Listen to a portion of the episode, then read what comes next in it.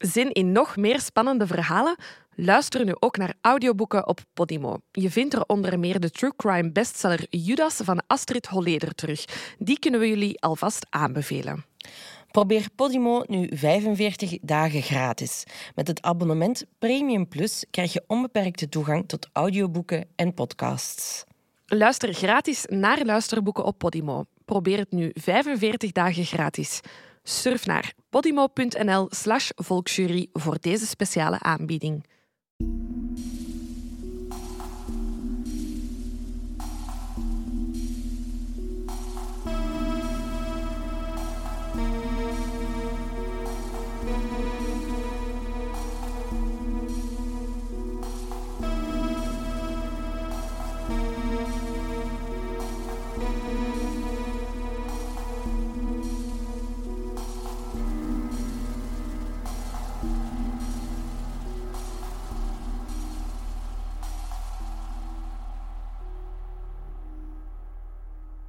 Welkom bij aflevering 32 van de Volksjury. Dit zijn Laura en Silke.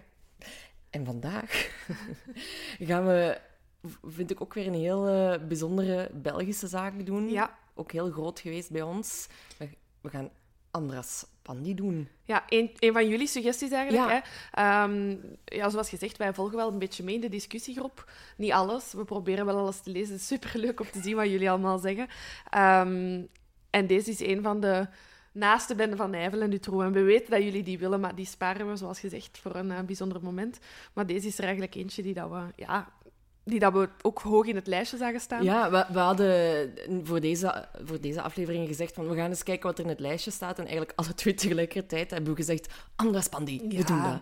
Dus eh, gewoon omdat het zo'n lugubere zaak is. Het is, zo, het is echt een film. We waren eh, allebei nog te jong, denk ik, om het op het moment van, Ja. de, ehm, van de feiten te weten eh, hoe dat het juist zat. Ik ben het echt... ehm, toen hij is gestorven, zijn er zo in het journaal en in de krant heel veel Ja. zo... eh, dit was zijn leven, dit heeft hij uitgestoken. En ik wist er toen wel al een beetje van... Maar vanaf dat ik dan toen in 2013 na zijn dood wist van... Wow, what the fuck? Hoe kan dit? Ja, ik, ik denk dat ik al eerder, want eh, het proces is van start gegaan in 2002, geloof Ja. ik. Ehm, toen was ik wel al oud genoeg om, eh, Ja, om het nieuws wat mee te volgen. Dus toen heb ik wel zo'n dingen opgevat. Maar wat bij mij nu opmerkelijk aan deze zaak is...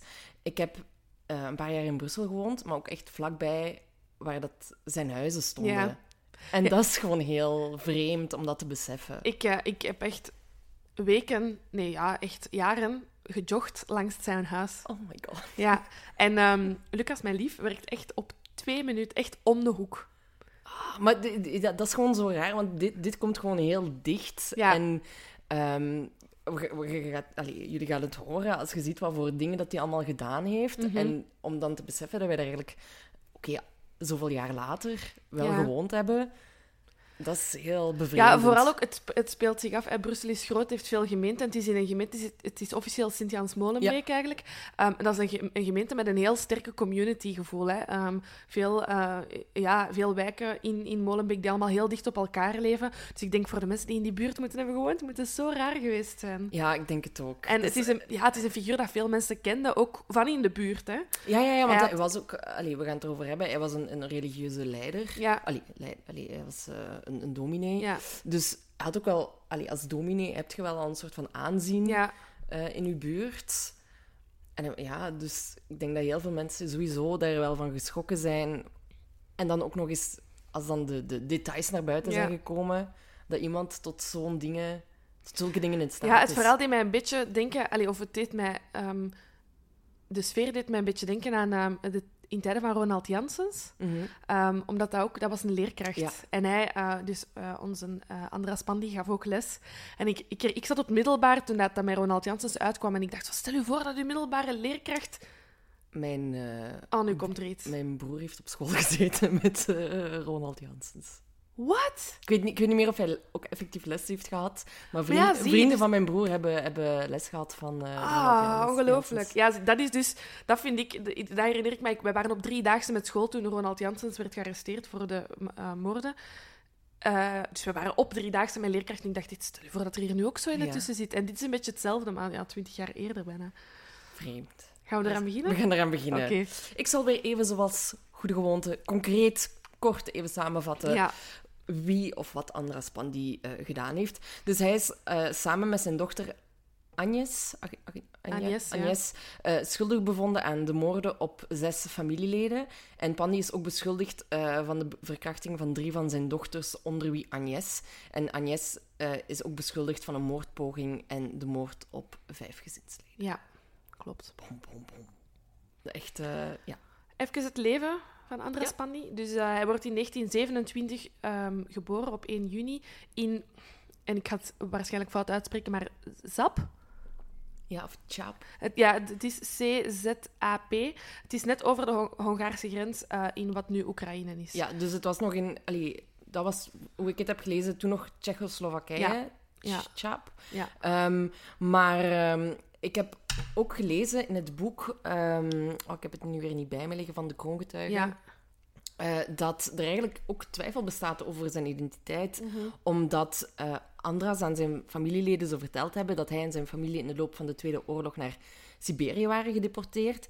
En volgens dat verhaal, verhaal zou eh, Andras op een gegeven moment de identiteitspapieren en zo ook de identiteit van zijn broer hebben overgenomen. Ja. Dus je weet, heet Andras ook helemaal niet Andras. ja.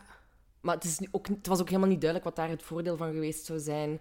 Ehm, Of hij toen al psychopaat was. Wellicht. Ja. Dus, het is, eh, dus het begint eigenlijk al, al Ja. vreemd. ja, we zijn in een pre-internet tijdperk. hè. Mensen kunnen weer... Ja, Ja. net zoals bij Holmes. hè. Ja, Je mensen kunnen heel gewoon... makkelijk...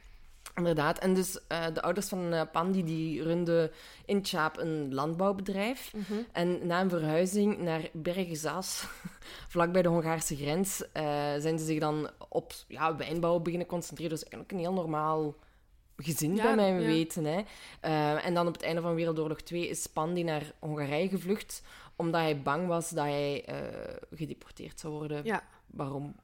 Ja, hij is niet van Joodse afkomst of zo. Hè? Dus, Misschien eh, had hij toen al iets op zijn kerfstok. Ja, of ja, misschien dat er wel zo ja, religieuze minderheden... Want dus, ehm, zoals we daar straks al hebben aangehaald, eh, Pandi is ehm, eh, een, een dominee. Hij, is, eh, hij haalt in 1957 zijn predikantsdiploma ehm, aan de synode van de hervormde kerk. Eh, later is die hervormde kerk... die- Het is een soort van aftakking van eh, het, het katholieke geloof. En later is die hervormde kerk opgegaan in het protestantisme, Ja. eh, dat wij in België en Nederland kennen. Ja. Ehm, maar dus wat die hervormde kerk is, ja, ik vermoed een soort van iets strenger religieus katholieke tak. Ja. Maar dus hij haalt zijn predikantsdiploma. ehm, en in 57 eh, is hij al getrouwd met Ilona Sores. Mhm. En zij vluchtte dan ehm, Ik wil, ik, ik Oh, wil even zeggen maar. hoe dat ze elkaar hebben leren kennen. Oh ja, dat wil, ik, dat wil ik eigenlijk wel weten, ja. Ehm, How to fall in love with a criminal. Yes. Misschien voor mensen die eh ideetjes willen opdoen. Ehm, hij leerde haar kennen toen hij als dominee werkte in een kerk waar Ilona het orgel bespeelde. Zo romantisch. Dat is echt meant to be. Ja. Prachtig toch, hè? Ja, En dan inderdaad breekt de Hongaarse Oktoberrevolutie uit in Mhm. 56. ehm, en daar meteen daarna zijn zij gevlucht naar het eh, westen met een tweetje. Ze zijn eerst in Oostenrijk geweest en in Zwitserland. En uiteindelijk zijn ze in België beland. En dan is Pandi als protestantse dominee en als godsdienstleerkracht aan de slag gegaan in Brussel. ja. Ik vind het opvallend. Dus ze hebben, ehm, hij zegt zelf dat hij eh, gevlucht is van het communisme.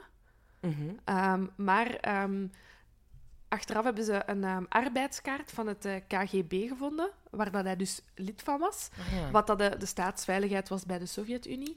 Eh, en mensen denken dat het via die kaart is dat hij zou het land zijn kunnen ont, ontvluchten. En dan stond hij toch vrij dicht bij de communistische leiders, dus... Ja, maar ik denk ehm, dat... Ik heb onlangs nog iets gelezen dat mensen ook vaak gewoon zo'n lidkaart hadden, omdat dat het leven op zich makkelijker maakte. Maar Ja. dat die niet per se achter de ideeën goed stonden van Nee. het communisme. Maar gewoon, als je een kaart had, Ja. Dan Nu, maak ik- je het jezelf ja, gewoon Ik denk sowieso, inderdaad, als je zo hoog staat in de religieuze orde waarin je zit, dat je sowieso wel een soort van bescherming geniet. Nee? Ja, maar aan de andere kant, communisme, die, dat die zijn toch ook anti-religie? Ja, ook waar. Misschien is dan toch waar. Ja, voilà. Misschien heb- kunnen we hem daar toch niet betrappen op, op een leugen. Ja, anyway, hij, hij liegt over alles. Dat gaan we nog wel later Ja. in het verhaal zien. Dus het is heel moeilijk om te weten waarom ze precies naar België zijn gekomen. Ja, en dan een, eh, een jaar na hun aankomst in België eh, wordt Agnes geboren. En eh, in het boek, de kroongetuige, stond dat ze niet moeders mooiste was. Nee, ze heeft een hazenlip. Ja, maar ik vind het dan zo erg dat, dat, dat ze zo omschreven wordt. Ja. Dat, je kunt er niks aan doen dat je, een- dat je een hazenlip hebt. Dus ik vind dat nog wel ja, kort door de bocht om Ja. te zeggen dat iemand lelijk is. Maar ja, Nu, ik, heb er, ik heb al foto's van haar eh, opgezocht. Mhm. En ehm, ze heeft wel een heel sprekend gezicht. Eh, voor, eh, voor mij niet per se negatief bedoeld of zo. Ze heeft wel Ja, echt, Een, een, een- echt een, een karakterkop, zoals dat ze in, in- bij ons in maar dat kan ook heel zeggen. mooi zijn. Ja, ehm, maar omdat jij daar straks zo sprak van zo ehm, Siberië en zo, daar, het, het- ik vind dat ze dus daar waar ze wat gelaatstrekken van heeft. ja, ja, ja, oké. Maar ja, zot jaar, hè. die wordt in 58 geboren in Brussel. Dat is als de wereldtentoonstelling Ah, ja, bij ons bezig is. Dus what a time to be alive. Maar ook arm het leven dat ze nog gaat hebben. Want zij is de oudste dochter. Ja, want vervolgens worden in, wordt in 1961 Daniel geboren. Mhm. En die heeft dan weer een ingezakte borstholte. En eh Zoltan in 1966. Ja.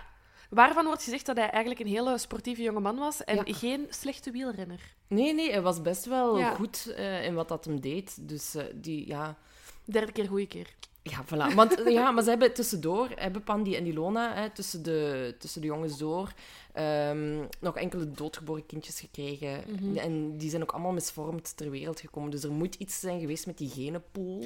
Broer en zus. Stel je voor. Ja, nee, maar ja, de- hoeveel pech kunt je hebben? Ja, ja, ja. Dus het, het is daar eigenlijk een beetje... Dat heeft heel erg veel voor con- conflict gezorgd Ja. tussen Ilona en, Ja. en Pandi. Ja, want het gaat niet goed, hè?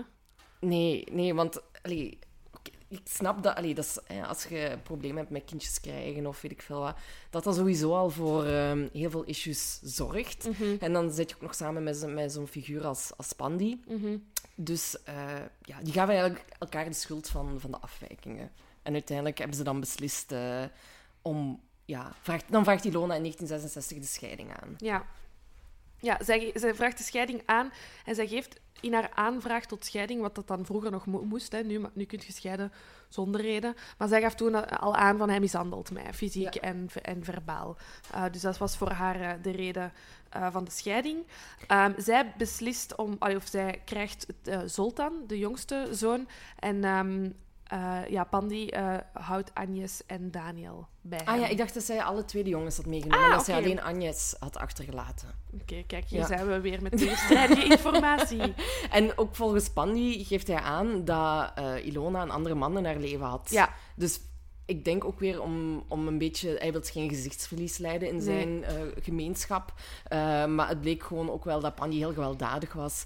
En daarom dat Ilona dus vluchtte naar Hongarije met Ja. haar twee zonen. Ja, ze probeert zichzelf in veiligheid te brengen. En ja, maar wat ik dan ook nog wel, wel grappig vind, is dat ondanks dat mensen wel... Allee, Pandi probeerde dat wel allemaal te verbergen, dat hem gewelddadig was, maar er waren mensen wel echt op de hoogte. Ja, En alsnog probeert zo de Hongaarse protestantse kerk in België te bemiddelen om Ilona en eh Pandi terug samen te krijgen. Ja. Omdat het huwelijk is heilig, natuurlijk. ja, nu ga ik weer iets stout zeggen, maar dat is typisch de kerk. Hè? Ik bedoel, er zijn bij ons ook zoveel dingen Ja, met de mantel der liefde toegedekt dat je denkt, ja... Absoluut. Ja, ja. En dan, maar dan uiteindelijk, na drie jaar, wordt de scheiding uitgesproken. Ja. En beslist Ilona om terug te keren naar eh, België. mhm. Maar zij, eh, Pandi blijft haar wel altijd lastig vallen. Ja. Ze, ze, woont, ze woont ook in Brussel. Ja. Dus ze woont ook helemaal niet zo ver van elkaar. Ehm, en Pandi heeft zoiets van, ja, ik ga hier wel niet alleen blijven. Dus hij, ja, hij zoekt terug opnieuw naar de liefde. Toenadering, ja. En eh, hij, ja, hij zoekt eigenlijk liefde via advertenties in de krant. Hè. Mhm. Dus eh, dat is ook, ja... Ook niet meer van deze tijd, hè. Dat is echt... Dat is, dat is niet even Tinder installeren, hè. Dat is, Nee. eh, Maar ja, ik weet ook niet of ik ooit zou reageren op advertenties in de krant. goh, ik weet dat niet. Ik denk dat een van de moeilijkste emoties, een, allee, of van de moeilijkste gevoelens eenzaamheid is. Ja, absoluut. Ehm, en oké, Pandi even buiten beschouwing gelaten, want ja, ik denk dat we het er wel over eens kunnen zijn dat dat een sociopaat of een psychopaat is. Ja, ja. Ehm, maar ik snap wel als je als, ik weet niet, alleenstaande vrouw, je bent ook niet super lang na de Tweede Wereldoorlog, wie weet is uw man omgekomen of Mhm. allee, eh, er, er zijn nog veel sterftes. eh heb je zoiets van, ja, en als je echt alleen bent, ik weet het niet, ja. Ja, tuurlijk. Tuurlijk, dat Ik denk dat er Ja, wel ja, ja. mensen reageren. En als, zeker als vrouw alleen, denk ik dat eh, in die tijd je gewoon ook nog niet... Je kunt ook niet alleen zijn. Nee, als vrouw alleen al niet. financieel of... Nee, ja, in- en vooral ook als je dan ook nog eens kinderen hebt. hè. Ja, dat gaat gewoon Dat niet. gaat gewoon niet. Dus wat eh, in, in, in 1977 maakte dus kennis met de Hongaarse Edith Vintor. Ja, En fun fact, het was niet zij die gereageerd had op de advertentie, maar haar moeder. ja. Ja, Maar dat, dat wist ik dus niet, dat vond ik niet terug. Heeft die moeder in de plaats van haar dochter gereageerd? Of heeft die moeder gereageerd voor zichzelf? nee, ik denk dat, de- dat ze dus voor Edith Ah ja, heeft toch. gereageerd. Ja, ja, Ja. inderdaad. En, om, om elkaar te introduceren. Ja, dat doet me denken, in, eh, toen wij in China waren op onze wereldreis, heb je Hier parken... we. Ja, sorry, maar het is echt... Het is echt, ik, ik, Relevant, daar- ja? Het is echt relevant. Daar heb je een park waar de ouders staan, eh, waar dat die hun kinderen afficheren. Oh, ja, en dan onderhandelen die met de andere ouders van... Ah, wie is daar? Uw zoon? Ah ja, oké, dit is mijn dochter. Maar puur op foto's, hè. En die, die kinderen zijn daar niet bij. En die worden zo gearrangeerd. Maar ja, in, in China snap ik dat dan weer ergens wel, want die hebben heel lang die een- één-kind-politiek Ja. gehad. Dus er zijn ook gewoon veel meer mannen dan vrouwen. Ja, En die moeten allemaal wel een vrouw vinden, Ja. zogenaamd. Hè? Dus Ja. ja, dus ja dan heb dan mensen die, die grijpen naar extreme middelen. middelen, ja. Maar het was zo grappig om zo die Maar dat is inderdaad- vrouwen van middelbare leeftijd met een affiche van hun zoon of dochter te zien. Dan denk ik, wat? Dat is maf om dat Ja. te echt te aanschouwen, denk Ja. ik. Vreemd. Ja. Al goed dat wij weer dan hier... Nu, voordat hij in 77 ehm, ja, voor Edith kiest, heeft- is hij tussendoor wel al... ehm, ja... eh, ik heb hier gelezen dat ze achteraf hebben bepaald dat vanaf 1969 Pandy een seksuele relatie begint met zijn eigen dochter, Ja, Agnes. Agnes. Dus dat zijn eerstgeborene. eh, en dus ja, in afwachting van een nieuwe vrouw ehm, ja, ja, misbruik, misbruikt hij... Want ja, ze is op dat moment nog minderjarig. En ja, sowieso eh, Dat, begon misbruik. waarschijnlijk toen ze 13 of 14 jaar ehm, oud was. Hè? Ja. Maar daar, ik, ik wil het daar graag zelfs... ja, maar ik wil hem gewoon nu al slechter Nu al- doen en- uitzien. Oh, ja, tuurlijk, je hebt gelijk. Je hebt gelijk. Hij, hij verdient nul respect. Ja, voilà. Ehm, Maar dus in 77 is alles nog goed. hè? ja, ja, inderdaad. Ook naar de buitenwereld toe. Hè. Ja. Eh, en Edith die komt dan in 78 eh, een eerste keer naar België. Mhm. En toen was ze nog aan het scheiden van haar huidige man, ja. met wie ze dan twee kinderen had. De achtjarige Tunde en de zevenjarige Andrea. Ehm, en ze had ook nog een dochter uit een vorig huwelijk, de 15-jarige Timea. Ja. En, An en Pandi besloot dan om die drie kinderen te adopteren, waardoor dat ze zijn achternaam kregen. ja, en zij komt dus ook uit Hongarije. Ja, inderdaad. Ja. Eh, en in 1979 zijn ze dan ook effectief getrouwd en hebben ze ook nog twee kinderen gekregen, want het huis was nog niet klein genoeg. Nee, Ehm, inderdaad. Andras Aaron en Mariana Reka. Ja. En, eh, maar ja, dat huwelijk vertoonde ook al relatief snel barsten. En Pandi had al twee keer de scheiding aangevraagd. Maar hij trok die ook weer telkens in. Ja, Dus eh wispelturig. heel mannetje. wispelturige man. Ja, Ik zou denken, run as fast as you can. Als ja je zoiets zeker. ziet. Ja. zeker. Maar ja, je weet het ook natuurlijk niet, want dat is zo'n advertentie. Mhm. Ik weet ook niet of dat er veel briefwisseling aan vooraf is gegaan voordat die elkaar effectief ontmoet hebben. Hebben die een foto meegestuurd? Allee, snap dat? Kan ik me moeilijk voorstellen. Want eh, zoals ik zei, ik, ben de zaak, ik heb de zaak pas echt ontdekt in eh, 2013. Maar de foto's van Andras Pandi ken ik echt al heel mijn leven. Ehm, hij heeft een hele, ja, ook weer al karakterkop. Ja, Ehm, maar zijn haar. En je ook. vergeet, ja, je vergeet gewoon niet hoe dat hij eruit ziet. Echt ook Nee. zo'n dikke jaren 70 bril met getinte glazen. Ja. Maar zelfs in zijn jonge jaren hè, was hem, had hem ook al een zeer, zeer ehm, extreme karakterkop ook en zo. Ehm, ook van hem durf ik dan wel te zeggen dat hij ook niet moeders mooiste was. Dus het, het, ik van denk binnen en van buiten ik denk gewoon- gedroogd. inderdaad. Ik denk gewoon omdat hij heel veel aanzien had in de gemeenschap en omdat hij zo'n Ja. religieuze functie eh, had, dat hij gewoon voor veel vrouwen een, een goede match Ja, was. macht is aantrekkelijk. Hè? En ook, Ja. ik denk zeker ook, Edith was inderdaad op het moment van de briefwisseling nog, eh, woonde nog in Hongarije. Dat was daar ook niet de leukste tijd, denk ik, om Nee, daar te wonen. Dus ik denk dat hij elke kans greep om, om, om een man dichter in, in West-Europa te Ja, vinden. Hè? ja, ja. Uh, dus ik vind dat langs haar kant helemaal geen onlogische keuze. Of Nee. Zo. En dan wil ik het even hebben over hoe dat, hoe dat het leven was onder Pandi voor zijn, eh, voor zijn kinderen. Ja. Eh, de kinderen omschreven Pandi als een dictator. Dus dat zegt al eigenlijk genoeg, hè. Ehm, ze mochten... Omschrijf je vader in drie woorden. Eén is voldoende. Dictator. Ze, hadden bijvoorbeeld, eh, ze mochten bijvoorbeeld geen vriendjes ontvangen, mochten ook niet bij vriendjes gaan spelen, omdat Pandy bang was dat hij zo zijn invloed en zijn controle zou verliezen over de kinderen. Ehm, en ook vooral in de zomervakanties uh, bleken een held te zijn voor Pandy. Omdat hij dacht, fuck, nu zit ik hier met zoveel kinderen en ik weet niet hoe dat ik ze moet bezighouden. Ze mogen geen vriendjes ontvangen, ze mogen niet gaan spelen. Dus um, hij kwam dan op het idee om zowel zwarte als witte verf te kopen. En dan moesten de kinderen eerst al alle meubels in het huis zwart verven. En je denkt, ja, dat is nog te doen, want zwart, allee, zwarte verf pakt heel goed. Ja. Maar dan moesten ze die zwarte meubels terug wit verven. En dat duurt natuurlijk veel langer. Ja, tuurlijk. Eer dat alles terug wit is. Dus tegen dat de zomervakantie voorbij was, uh, hadden ze hun tijd daaraan besteed. Super nuttig. Ja, maar ja, het was dat dus inderdaad. Allemaal van die nutteloze taakjes. Ze mochten ook geen televisie kijken. Wat een Het was echt gewoon zodat hij de controle kon vasthouden Mhm. over, over de kinderen. Ja, want inder- eh, ja, ja, inderdaad. Want hij was, al- hij was los, dat hij, los van dat hij dominee was, was hij ook aan, aan het werk als geschiedenisleerkracht. Maar dan heb je inderdaad ook die vakantie, dus dan zit je ook Ja. thuis. Inderdaad. Ander beroep kiezen, man. Ja, hè. Ehm, en dan... eh, maar ja, het ging nog veel verder dan dat. Hè. Dat heb jij net al, Ja. al aangegeven. Ehm, vooral met zijn dochters, zijn zonen. Die, daar heeft, die heeft hem eigenlijk nooit echt lastig gevallen. Nee. Die, hebben, die hebben een beetje een ding... Allee, mochten... Leden ook wel, hè, onder het leven van eh ja, maar Andy. seksueel misbruik is natuurlijk... Ja. ja. Dat is nog wel even vijf stappen verder.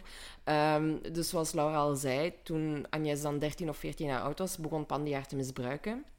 En daarvoor zegt zij, en dat heb ik gelezen in het boek De Kongetuigen, eh, de feiten hebben zich een zestal, zestal keer voorgedaan in een tijdspanne van één jaar. Zelf realiseerde ik mij op die leeftijd niet dat de handelingen van mijn vader abnormaal waren. Ik geloof dat het een en ander paste in mijn seksuele opvoeding. Eh, natuurlijk vroeg hij mij om het aan niemand te vertellen. Ja, ik vind het ook zeer belangrijk om deze eh, nu al ehm, aan te halen. Ehm, omdat seksueel misbruik is sowieso iets heel moeilijk, maar die manipulatie dat daarbij Ja. komt, zeker ook eh, omdat, ja, we al hebben gezegd, hè, Agnes, zijn oudste dochter, is ook beschuldigd en veroordeeld voor, voor moorden. Ja. Ehm, het feit dat dat misbruik op zo'n jonge leeftijd is begonnen, manipulatie op zo'n jonge leeftijd, doet op het einde van dit verhaal natuurlijk je afvragen hoe, hoe hard kun je Agnes de schuld geven van haar handelingen. Ja, inderdaad. Als je als 11, 12-jarig meisje en daarvoor al gewoon ja, leeft in een ongezonde situatie, een, een vader die Ja, in angst gewoon. in angst en die, ma- die macht misbruikt, in hoeverre kun je haar handelingen dan veroordelen? Tuurlijk, dat heb ik mij ook afgevraagd toen... eh, we gaan het straks ook hebben over welke straf dat ze gekregen heeft en Ja. zo. In welke mate dat ze dat verdient. Ja. Ja, Oké, ze, heeft, ze heeft mensen vermoord.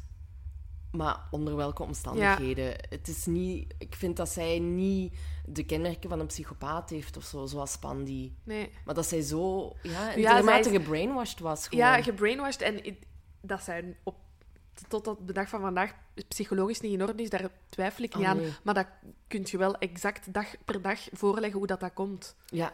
Zij is waarschijnlijk niet, of allee, daar ga ik vanuit omdat ik toch altijd van het goede wil uitgaan, ze is waarschijnlijk niet psychopathisch geboren. Of, Nee. of psychologisch gestoord geboren. Nee, nee, nee. Nee, en het gaat eigenlijk... Allee, hè, ik zeg van... Ze is een jaar lang eigenlijk eh, misbruikt geweest. En dan stopt dat. Maar op haar 22e is het misbruik opnieuw begonnen. Ja, En dan denk je, ja, je bent dan al 22. En je zou... Allee... Ze zegt van, ja... Ik, ik heb mij daar niet tegen verzet. En dat was, niet, dat was eigenlijk gewoon omdat ik door de jaren heen zo in de ban was geraakt van mijn vader, dat ik zijn toenaderingspogingen niet durfde af te wijzen. Ehm, en hij- ze zag ook gewoon geen enkele uitweg om daar met iemand over te gaan spreken. nee, want je, wordt, je, je, wordt, je mocht geen vriend, vrienden hebben, laat staan vriendjes of, of vriendinnetjes. Ja, ze zal misschien nog wel enigszins wat contacten hebben gehad op school of zo. Ja, maar je mocht geen amoureuze relaties Nee. hebben. En de enige, ehm, als, de enige persoon die toenadering tot u zoekt, of een- vorm van liefde in zijn ogen, zullen we het dan even zo noemen, wilt geven, is dan uw vader die u wilt misbruiken, ja, dan grijpt je die kans. Hè? Je Ja. wilt alleen maar liefde. En er zijn zoveel kinderen. Uiteraard wilt je de favoriet zijn, hè? zeker van zo'n gestoord man. Ja. Wilt, je, wilt je bovenaan in het laadje liggen. Hè? Je wilt degene zijn met wie dat hij het het beste voor het, heeft. het, hè? het favorietje zijn. Ja, hè? En dat snap ik ook wel, want van zodra dat je lager staat op de ladder, om het zo te zeggen, krijg je ook veel meer shit over je heen. Ja, het is dat. Dus je doet er alles voor om, om van... Allee, ja. ja. ja. Alles aan die kinderen, hun, hun jeugd is gestoord. Hè? En dat misbruik, dat duurde nu niet één jaar, wat al super lang is, maar dat duurde nu negen jaar. Ja. Negen jaar. En ze zegt, soms gebeurde het wekelijks, soms gebeurde er maanden niks.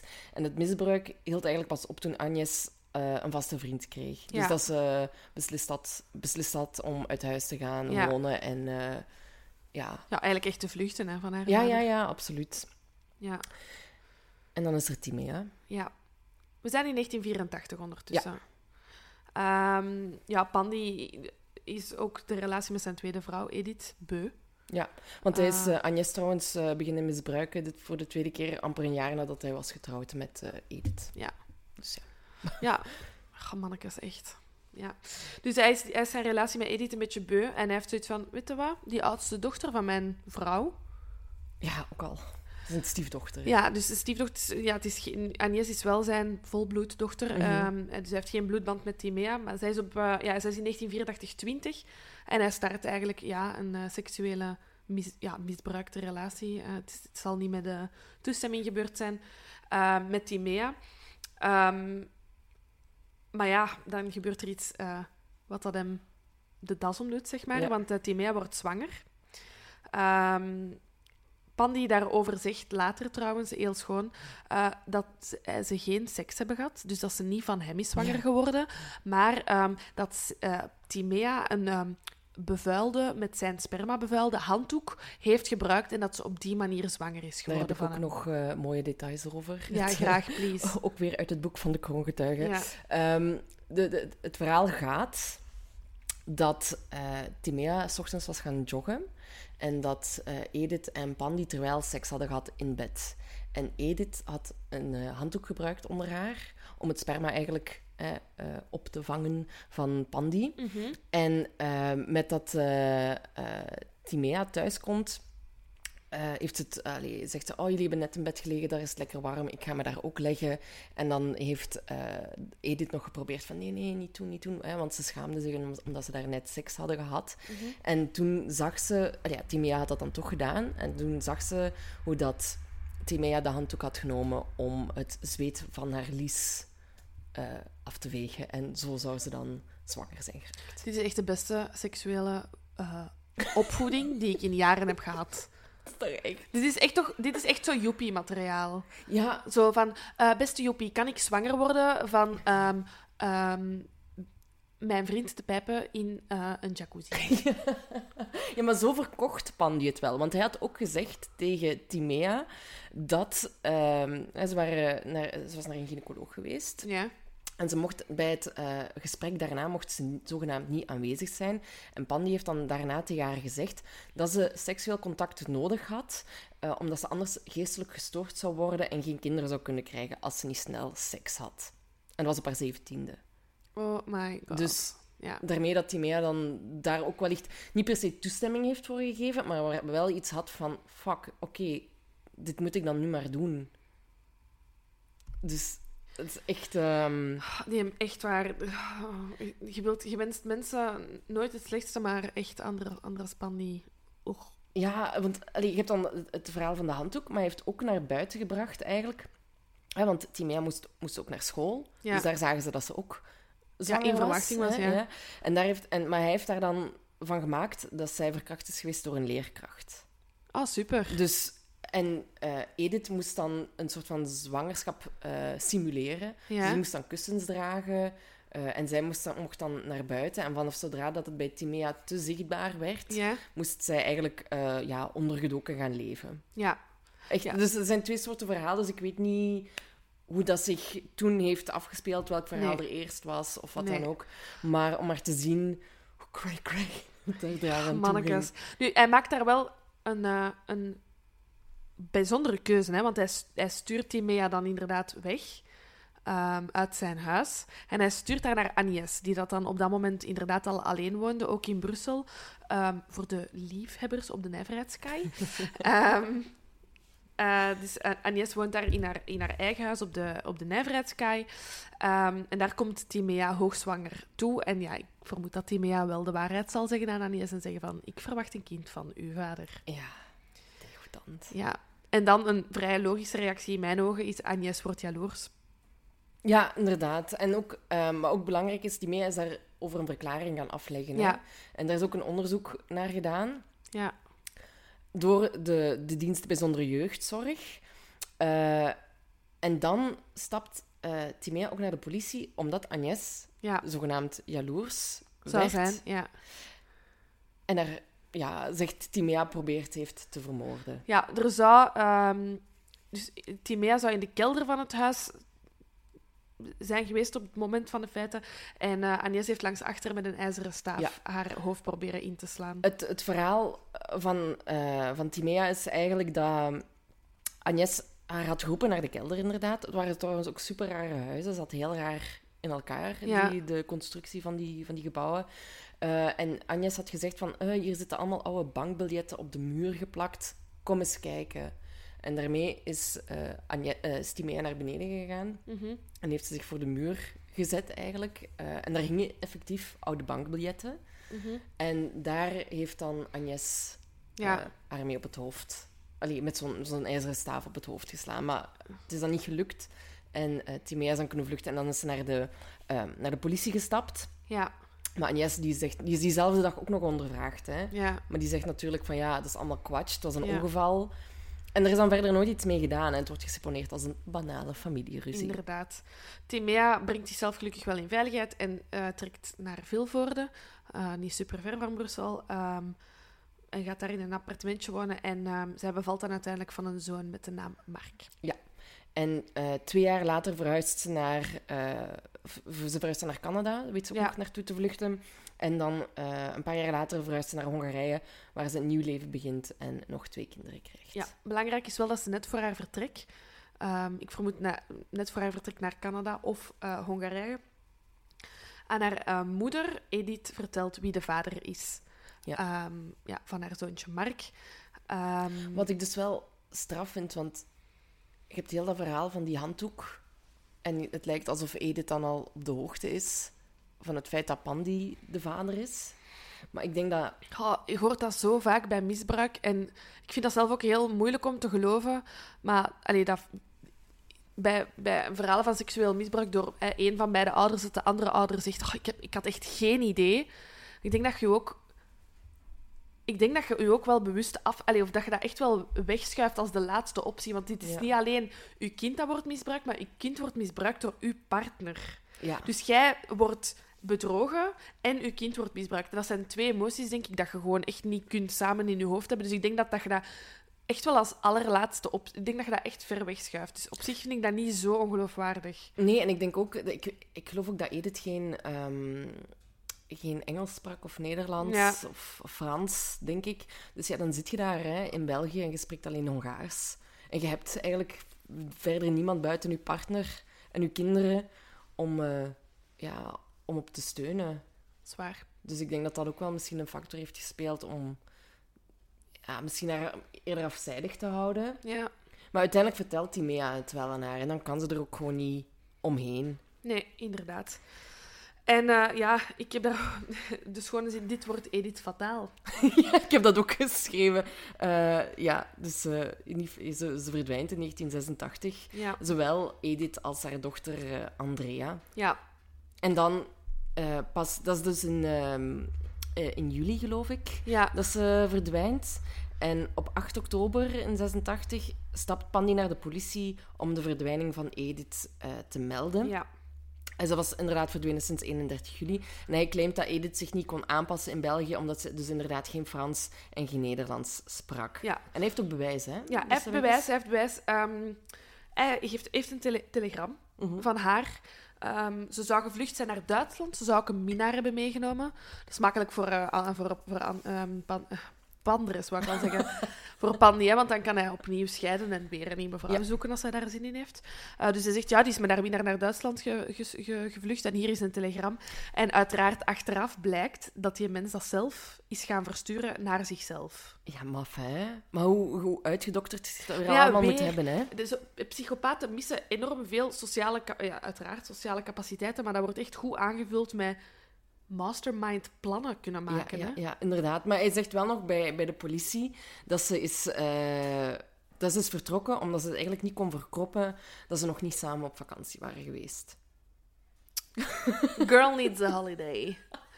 Alsjeblieft. Wat is dat nu weer voor Ja, een ja. uitleg? En eh, hij zegt ook, eh, hij verklaart bij de politie, nu ga ik het ook weer uit het boek, eh, een quote. Indien mijn echtgenote teruggevonden wordt en zij terug wil keren naar huis, dan staat de deur groot open. Ik wens zeker en vast geen echtscheiding aan te vragen. Indien zij zou willen scheiden, dan zou ik akkoord gaan. Ik wil haar geen last aandoen. En dat is behoorlijk altruïstisch, voor een psychopaat zijnde. En ehm, ik zou dan als agent toch bij mij een alarmbelletje afgaan. Dat ik denk van... Er, er is een conflict tussen die twee. Er moet een reden zijn waarom dat, dat, er, eh, dat ze weg is of zo. Dus waarom staat die man hier met zo open armen te zeggen dat hij, dat zijn vrouw terug? Weet je, Edith, als je terugkomt, een weekje Tenerife, het is geboekt. nee, maar ja, maar dat is toch...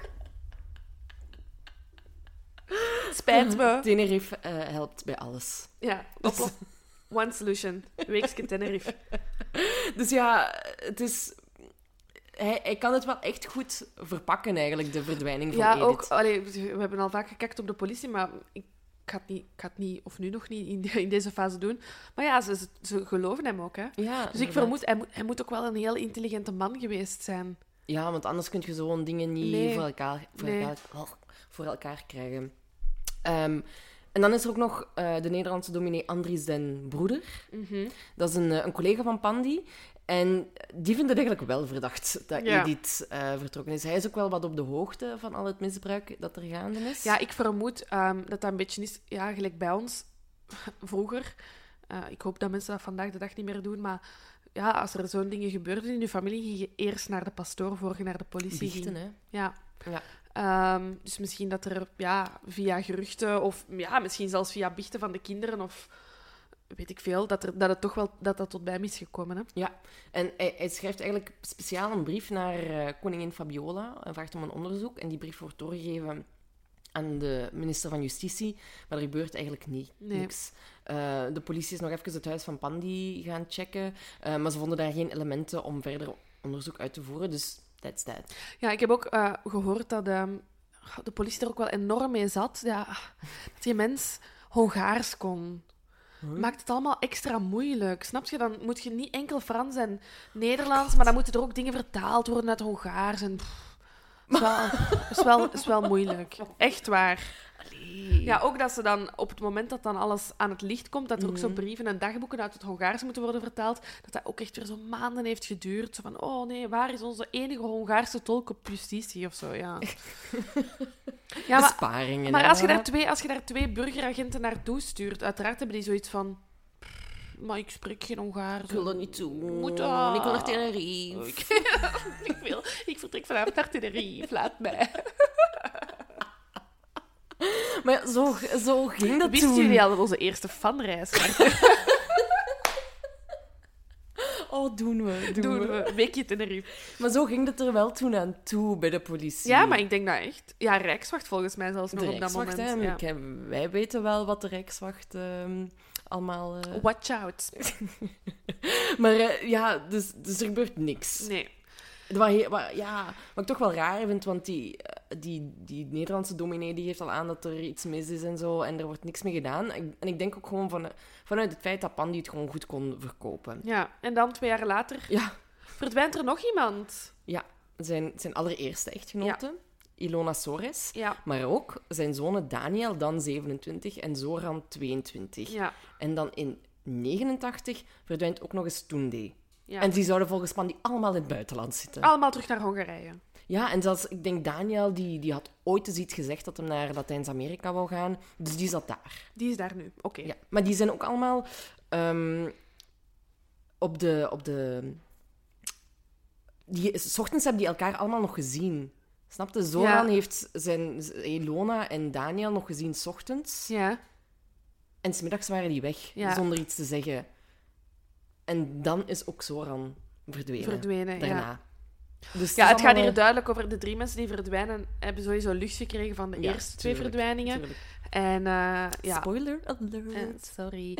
En Pandy heeft zoiets van, bon, Ja, daar moeten we kom af mee maken. gedaan. Ja.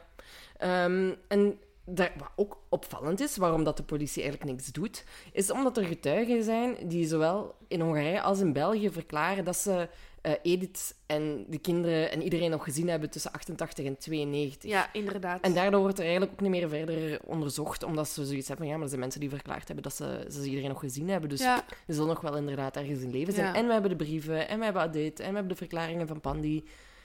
Dus ja, waarom zouden ze dan daar verder gehoor aan geven? Ja, klopt.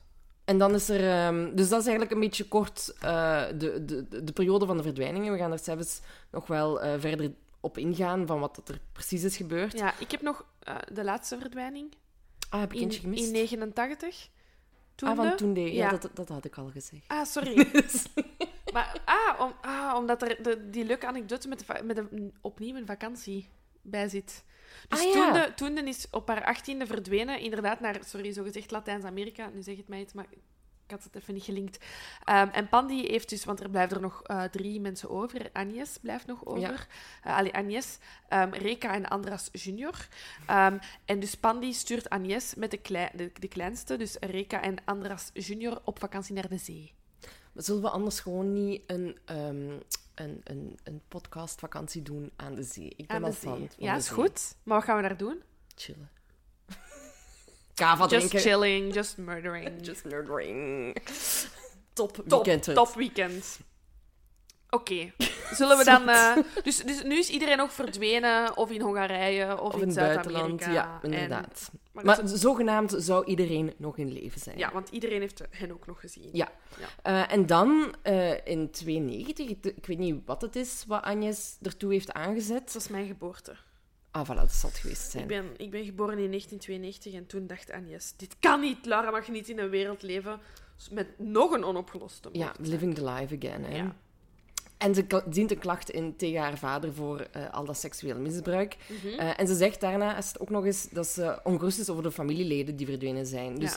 Agnes houdt ook nog steeds het verhaal gaande Ja. dat, dat ze verdwenen zijn, maar dat ze wel nog allemaal in leven zijn. Ja. Eh, en Pandy wordt daar ook over ondervraagd, Mhm. geloof ik. Of die wordt een- ja, maar die verwerpt eigenlijk. Ja, die heeft Eh, zoiets van, nee. Nee, die, dit is allemaal niet. Het zijn allemaal leugens. Om mij in een slecht daglicht eh, te stellen. En dan denkt de Brusselse politie, weet je, misschien moeten we toch onze collega's in Hongarije eens contacteren. En toch eens een beetje explicieter onderzoek laten doen naar al die mensen die daar toch in Hongarije blijken te zitten, waar mensen hier ongerust over zijn. Ja. Ehm, en dan, echt, dit vond, ik het, dit vond ik het leukste deel van het verhaal. Eh, dus de Hongaarse politie gaat inderdaad ehm, op zoek naar de mensen die getuigd hebben van, ah ja, we hebben Edith nog gezien en de kinderen nog gezien. En wat blijkt, oké, ehm, die mensen komen naar voren en zeggen van, ja, ja, dat zijn wij, dat zijn wij. Ehm, en na lang doorvragen eh, zou Pandi vanuit België advertenties hebben uitgestuurd in Hongarije, want dat is zijn ding, eh, advertenties, omdat hij figuranten zocht voor de film over zijn leven. Dit is geen metafoor, dit is letterlijk wat hij... Ja, hij- hij- er werd een film gemaakt over zijn leven. En hij zou drie jaar lang mensen in Hongarije hebben betaald om op te treden Ja. als zijn kinderen. En niemand vond dat raar. Nee, de- in 1997 ben- bekenden de kinderen dan achteraf dat ze het wel raar vonden dat er nooit een camera is geweest. De kinderen die hij had ingehuurd. Ja, die had ja, ja. ingehuurd. Maar dus al die mensen daar in Hongarije werden ingehuurd om zijn zonen en dochters en ex-vrouwen te spelen, Ja. maar waren eigenlijk figuranten, letterlijk, leven. maar eigenlijk echt letterlijk van de film van zijn leven. Ik kan er dan gewoon niet bij komen. Bedenk je dit dan s'avonds in je bed? Als je ligt te Wanneer? Ik heb daar geen tijd voor. Ik heb Ja, geen tijd om dit te bedenken. Ja, je bent al een religieuze leider, je bent al een leerkracht, je hebt eh ontelbaar 80 veel kinderen. Hoe in godsnaam kun je dit dan nog allemaal zitten uit... Ja, bon, dat was pre-internet, hè. Tijd genoeg eigenlijk, hè. Ik heb geen tijd genoeg. Nee, ik ook niet. Ik niet. Maar ja, f- ja. Nee, maar ongelooflijk. Ik- Ik ik- zeg, ik dat is wat we zeggen, hè, dat het echt zo'n mastermind is. Hè, Ja. die, die schakelt op een andere planeet dan wij. Ja, en eh, ze ontdekken dan ook nog eens dat de brieven van de... Hè, dat hebben we al gezegd, ze- dat is dan. Dan ontdekken ze dat die eh, ja, vervalst waren eigenlijk. Dus hij heeft eh, wellicht... Hè, er was bijvoorbeeld de brief van Edith. Dat was in haar handschrift. Dus Ja. mensen dachten daarom van, oké, dit is legit. Eh, maar hij heeft daar waarschijnlijk verplicht om die Om brief, brief te schrijven. Ja, achteraf is... ehm, ook zijn er er zijn later veel dagboeken en andere briefwisseling gevonden. En ze zeiden van, ja, er was echt... Het was, eerst dachten we dat het moeilijk ging zijn om een onderscheid te maken tussen de echte brieven en dagboeken naar elkaar en de valse. Maar Ja. ze zeiden, ja, ehm, de brieven die, ehm die Andres, waarschijnlijk, Alif Andres waarschijnlijk dicteerde, waren allemaal in heel schoon schrift met een exacte datum. En de andere waren meer zo, ja, ik schrijf eens een brief. Ja, Eh, inderdaad. dus ze zeiden, de, de onderzoekers zeiden, ja, eigenlijk was het achteraf heel duidelijk als je ze naast elkaar legde. Ja. En die bevindingen van in Hongarije, die komen dan uiteindelijk in eh 97 in de schot van inspecteur François Monsieur terecht. ja. Sorry, Om- ik wil ook nog eens even zeggen dat dit in 92 is Agnes naar de politie Ja, gegaan. We zijn nu inderdaad. 97. Klopt. En, maar dat is omdat, eh, ik denk dat jij er meer over weet, ten tijde van Marc Dutroux ook Ja. is. Ja. En dat ze toen zoiets hadden van, hmm, misschien moeten we alle onopgeloste verdwijningen nog eens onder de loep nemen. Ja. Want toen pas besefte de mens, allee, de, of de, de justitie en whatnot, pas van, fuck, we leven wel echt met een paar monsters in ons land. Ja, het is eigenlijk... Ik ben in deze research een, ehm, een artikel tegengekomen uit de New York Times. ehm, met als titel... Wacht, ik ga het even... eh, A new set of killings deepens Belgium's darkness. Ik het sowieso posten. ehm, en ik had zoiets van, zeg, overdrijf dit niet. Maar inderdaad, in het artikel sommen ze dan heel mooi op eh, welke zaken dat er allemaal afspelen. En we zijn dus, ja, de bende van Nijvel is de grens met de jaren 90. Dan heb je de Dutroux, dat begin jaren 90, eh, ja, ook eind jaren 80, begin jaren 90 is de Roze Balletten zitten daar ook nog ergens tussen. De Slachter van Bergen is 98. En dan heb je al die verdwijningen. En ja, dus we- wij ondertussen weten dat Andres, eh, Andras Pandi ook zo een is in het lijstje. What a time to be alive. Maar onge en ongelo- dat onze ouders ons hebben gemaakt toen. toen, hè, ja. Dat die zoiets hadden van, ja, goed idee, weet je. We- we gaan- België, deze is, deze is the place to be voor een kind. Nee, maar dus, eerst had ik zoiets met dat artikel... Oh, Sorry, de- mijn micro... Het moest er eens van komen. We zitten, by the way, op de grond. Ja. We iets nieuws aan het testen We zijn. zijn weer is aan het experimenteren. En knus, maar met dit soort eh, toestanden Ja, dus natuurlijk. mijn micro was even geballen, gevallen in weer al heel mijn handbeweging waarschijnlijk. Ehm, nee, maar dus het is, wel, het is wel waar. Er was zoveel gaande in België. En eh, ja, ik denk dat inderdaad tussen 92 en 97 de politie het gewoon even te druk had met Dutroux. Eh, Ja, maar daardoor ook- En dan ook inderdaad dat het licht in hun hersenen of zo is aangegaan. En zoiets hadden van... Ah, misschien moeten we even alle onopgeloste moordzaken eens bovenhalen. En dan zijn ze eigenlijk naar Andres. Want tot, beginnen tot kijken. dan toe, in 97, totdat het bij eh monsieur terecht kwam, was er niet echt een dossier tegen. Pandy. Ehm, dus er waren heel veel documenten, eh, allemaal, allemaal echt op ene stapel gegooid, geen orde. En eh, monsieur is dan echt eh, letterlijk orde moeten gaan scheppen in, in die documenten. En hij heeft dat blijkbaar gedaan door ehm, die, al die documenten te, neer te leggen in zijn tuin. En zo te gaan kijken, want hij had zoveel plaats nodig om die documenten te, kunnen... allee, een overzicht te hebben.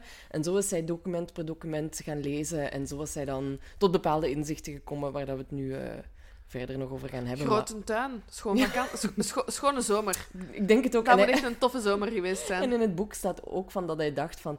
Hmm, ik hoop nu dat mijn buurman niet over de haag kijkt, want dat zou wel een heel vreemd zicht. prachtig. Oh, prachtig. Ik, ja, I love François Monsieur, want Sowieso. zonder hem... Zonder hem, en hij was zo gemotiveerd, hij heeft zo zijn best gedaan. Ja, want hij wou, hij wou dit eerst niet doen. Want ehm, het, in de kroongetuige staat... Hè, hij is dus van de...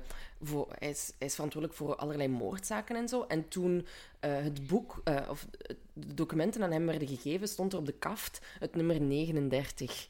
En niet het nummer 40. En het Ja. nummer 39 was voor verdwijningen en nummer 40 was voor moorden. Ja, Dus hij zei, wow, dit is niet voor mij. Want er was altijd wel gedoe als je een zaak van iemand anders, van een ander departement overnam. ja.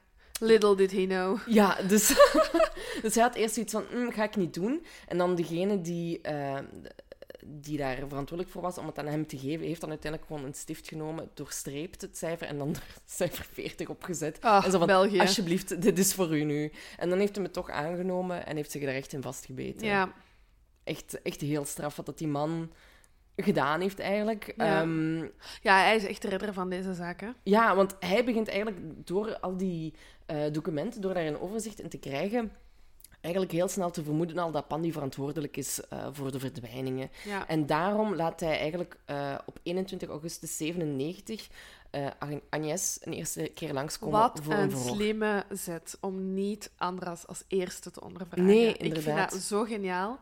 Ja, maar eigenlijk haalt, haalt hij niet zoveel uit dat eerste verhoor. Nee, maar, ook, maar gewoon, ik denk als je, als je direct op Pandy springt, dat je, dat je hem kwijt bent. Ja, maar hij was ook onvindbaar. Oh, hij zat gewoon in de kelder. Ja, ja maar het, het, het bleek ook zo effectief te Ja, zijn. ja, maar. Hij, hij kreeg alleen maar te horen dat hij, dat hij in Hongarije zat, of weet ik veel waar. Maar ik vind het een slimme zet om voor, voor eigenlijk ja, de meest kwetsbaren in dit verhaal te gaan. Ja, en om dan toch al eens te horen van hoe zit het nu na al die jaren? Blijven die... Want dat zijn... Agnes was tot dan toe naast Timea de enige die een verklaring was komen afleggen over haar vader. En de enige die nog in leven was. Timea leeft ook nog, hè? Ja, ja, ja. Die is, she's alive. She's in alive Canada. kicking, Of ja. Hongarije. Ehm, en Agnes die vertelt eigenlijk dan alleen maar wat er tot dan toe al geweten is. Hè, over het misbruik, over het zogenaamde ongeval van Timea. Want daar houdt zij ook nog steeds aan vast. Hè, dat het nog steeds een ongeval is geweest. Ja. Ehm, over het leven, hoe dat ze allee, le- leefde onder het ehm, juk van Pandy. Mhm. En dan, eh, ja, mons- monsieur wou dus ook Pandy verhoren, maar die was zogenaamd onvindbaar. Ehm, en daarom besloot hij om Aaron binnen te brengen. Allee, Andras Junior. Andras junior, Ja. ja. Ehm, en hij gaat zelf, eh, dus, dus ehm, monsieur gaat... ehm, ja, dat is grappig dat hij monsieur heet. Ja, toffe monsieur gaat naar, naar de woning eh, van de Pandies in de Van der Brandstraat in Sint-Jans-Molenbeek, voor Ja. de Brusselaars. Heb ik nog gewoond. Toffe gemeente, wil ik even gezegd hebben. Oh ja, ik kom er graag. Ik werk, ik werk woon- in Molenbeek, Lucas werkt in Molenbeek. Ja, ik vind Ik heb daar ook heel graag gewoond. Ja. Ze, ze zijn trouwens een heel cool project aan het doen met het huis van Ja, Maar Later. hier daarover. Eh, maar dus in de Van der Brandstraat in Molenbeek ehm, gaat monsieur ehm, Andras Junior ehm, interviewen op eh, 17 oktober. ja ik, ik dacht dat, dat Anders Junior naar het politiekantoor was gekomen. Ah, Ja, ik, had, ik dacht dat hij in die Van der Brandstraat dat interview deed. Of die verklaring afnam. En dat, dat hij dan vroeg van, waar is uw papa? En die zo, ah, die zit gewoon in de kelder. Ah nee, ik heb in het boek te krongetuig. Oké, maar die vertrouw ik wel meer. Want ik, ik heb... Ja, het, het zit dus zo dat... eh, ah ja, ik heb altijd Aaron opgeschreven. Dus Anders Junior, dus als ik Aaron zeg, same person. Mhm. ehm, dat hij dus naar, de, naar het politiekantoor is gekomen. Eh, Wat en- trouwens om de hoek is daar, hè? Ja, ja inderdaad. En ehm eh, Anders Junior, die, die, die is zo echt zo heel stoer. En die, die is echt zo wat arrogant en zo, laat hem niet doen. En eh, voor monsieur lijkt het wel alsof dat de, de antwoorden hem ingelepeld zijn geweest door Pandy. Want hij weet ook zogenaamd niks van die verdwijningen. En volgens eh, Anders Junior zitten ze ook allemaal in het buitenland Ja. en zo. Dus hij laat zich niet kennen. ehm, en dan, tijdens het verhoor, verspreekt Anders Junior zich opeens door te zeggen dat zijn vader hem had afgezet aan het politiekantoor. Dus monsieur vraagt, ah ja, hoe zit je trouwens hier eh, gekomen? Ah ja, mijn papa heeft mij eh, hier afgezet. En toen dacht monsieur van, oh my god, Ja. hier moeten we meteen eh, iets mee doen. Ah, oké. En Zo dan hebben ze hem in de kelder gevonden. En dan eh, heeft hij meteen dus een, eh, een huiszoekingsbevel geregeld, eh, samen met een andere inspecteur. En dat is ook een eh, heel grappig detail, vind ik persoonlijk. Hij heeft, ehm, ze hadden een kopie gemaakt van het huiszoekingsbevel en het echte in, ja, in de broekzak gestoken. Omdat het dus al eerder was gebeurd dat als ze naar een huiszoeking gingen, de bewoners het origineel huiszoekingsbevel verscheurden en dan was er geen huiszoekingsbevel meer. Dus Huh, daarom welke- hadden ze... die, die trekken dat dan uit uw handen? Ja, zo van, hier, ik heb een huiszoekingsbevel. En die bekijken dat en dan verscheuren die dat. Dus, slimme zet. dat is toch... Allee, Ja, dat is een slimme zet, maar ik zie Pandy dat niet doen. Nee, inderdaad, maar just to be sure. Nee, ja, hè. maar dat is wel, wisten dat is hem wel niet. grappig. Maar Maar ik vind dat gewoon een grappige detail in het hele verhaal, dat ze dan bedenken, we moeten een kopie hebben van het huiszoekingsbevel. Sowieso dat dat nu een examenvraag is zo op politieschool. Oh, Zo. sowieso. Bij een huiszoeking, wat neem je mee? Huiszoekingsbevel. Kopie van het huis. ik denk na. Oh, ik zou zo graag bij de politie zijn. Ja, het kan nog, hè. Op sommige dagen. Niet elke Niet dag. elke Maar dag. soms denk ik, oh, ik zou graag politieagent zijn. Goh, soms denk ik dat ook, maar ook niet elke dag. Het hangt er heel erg Ja. vanaf in welke functie. Ik denk dat ik dan ook eerder zo, ja, uiteraard inspecteur zou willen zijn. Ja, ja, tuurlijk. Ik ga geen boetes uitschrijven, hè. Ja, maar je moet, moet ergens beginnen, hè. Dat is waar. En dan eh, de trap op. Maar eh, ik, ja, ik vind het echt zo'n fascinerende wereld. Ja, maar ik heb, ik heb er een beetje, ik heb een beetje in, dat, in dat wereldje gezeten Ja, met, mijn, inderdaad. met mijn job als journalist. En ehm, ik vind dat een heel fascinerende wereld, maar ik vind het ook fijn om het van, zoals we nu doen, van op afstand mee Mhm, bezig te houden. Gewoon mhm. op het feit, bij de krant, ja, dan moest de volgende dag moest je iets hebben als er iets gebeurd was. En er staat gewoon zoveel druk en stress op, dat ik het meer fijn vond om mij met die materie bezig te houden. Omdat er zoveel... Hè, want ja, want als de concurrent het had en wij niet... Ja, dan kreeg ik uiteraard naar mijn voeten, wat ik ook wel begrijp. Ja, maar ja. daardoor... Ja, zo die, die spanning... Ja, ik ben er... Ik ben eerder... ah ja, liever een, een onderzoeksjournalist. Cute. Ja, nee, ik, ik denk dat ik mij liever vastbijt in iets waar ik langere tijd mee bezig kan zijn, Ja, dan het nieuws zo snel te moeten ja, ja dat z- snap ik. maken. En dan kwam ik ook veel in aanraking met agenten. En dan heel vaak dacht ik, oh, die mogen nu dichter bij de crime scene of whatever. en Maar zo. dat gewoon, hè. ik wil Maar dat gewoon, alle info hè, van als op eerste. Ja, want dat, dat, is wel, dat was wel cool aan mijn job, dat je het ook wel als eerste wist wat dat er gebeurd was. Want Ja. dat je er wel op, hè, naar op zoek moest gaan. En dat was wel cool als je als eerste iets te weten kwam. Maar als politieagent, of als zo die mannen in hun witte pakjes die zo de crime scene Ja. moeten gaan eh, inspecteren, ja, die zijn echt wel als allereerste op de hoogte van wat er Er gebeurd springt mij nu ineens iets in mijn hoofd. Het is Hmm. niet per se in context, maar het is ehm, een anekdote dat iemand ons heeft- doorgestuurd via ehm, Instagram. Maar ik denk niet dat ik hem al aan u heb laten weten. Ah, ik weet niet. Over Dutroux. Nee. Oké. Ah, jawel. Maar heb ik die al gezegd hier? Nee, hè? Nee, hier nog niet. Nee. Ik denk dat ik weet waar je naartoe wilt. Oké, dus ehm, hè, omdat jij nu zei, het sch- het schoot mij zo te binnen over ehm, eh, dat je het als eerste op de crime scene zet. Hè. Dus er heeft ons iemand ehm, een anekdote gestuurd. Ik moest sowieso geen naam, geen voornaam vernoemen. Ah, dan weet ik het niet misschien. en het ging over de, eh, de vader van, van dus de persoon die ons heeft gestuurd, die, eh, ik vermoed, journalist was in de, in, in de tijd van Dutroux. Ehm, en hij heeft twee agenten ofwel het tegen elkaar horen zeggen, of die agenten hebben tegen hem bekend, eh, dat op het moment dat Dutroux... eh, Dutroux is ontsnapt uit, eh, uit het justitiepaleis ten tijde van zijn proces, ehm, dat heel de politie van Vlaanderen en België ehm, had beslist van, oké, ehm, zijn, zijn, zijn ontsnapping is ook zijn dood. Ah, ja, ja. De eerste die hem ziet, knalt hem af en we zeggen, sorry, het kon niet anders. Maar Dutroux is gevonden door een boswachter. Nee. Jawel, Oh, maar misschien ja. wel goed ook. Ja, dus daardoor is hij dus niet kunnen per ongeluk worden neergeschoten. Oh, heftig. Ja, maar dat zou dus... Ja, ik, de persoon zelf zegt ook van, ja, ik weet ook niet of het, Ja, ja, of het, never of het hè, maar- waar is, maar ik vond dat wel echt een verhaal. Oeh. Ja, Ja, dan Zij- hadden, we, dan hadden we nu geen nieuws gehad over, eh, over Mark Dutroux die een pot Nutella wil. ja. En de, play- en wel de spijtig geweest Playstation en naar de kapper wil. En nog. Is zo Ja. spijtig geweest. Of zo in, eh, in, de, in de sneeuw. Oh shit, had ik deze anekdote moeten bewaren tot de kerstspecial? We knippen. Nee.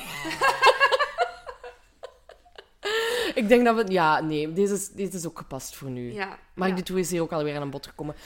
Zullen we terug gaan naar de huiszoekingen? Ja, sorry, we zijn bij de huiszoekingen. Ehm, Ja, ze nemen Pandy mee voor verhoor. Ja, maar ze, nemen hem, ze kunnen hem meenemen omdat ze ook... Ze vinden niet echt iets concreets Nee. ehm, in, het, eh, in het huis. Ehm, maar buiten de, de, de nummerplaat van zijn auto, die is vervalst. En daarom hebben ze, de, ze Ja. hebben zoiets van... Oké, nu hebben we wel legit een reden Om, Om hem mee te nemen te naar het bureau. Ja. ja. Ehm, pum, pum, pum.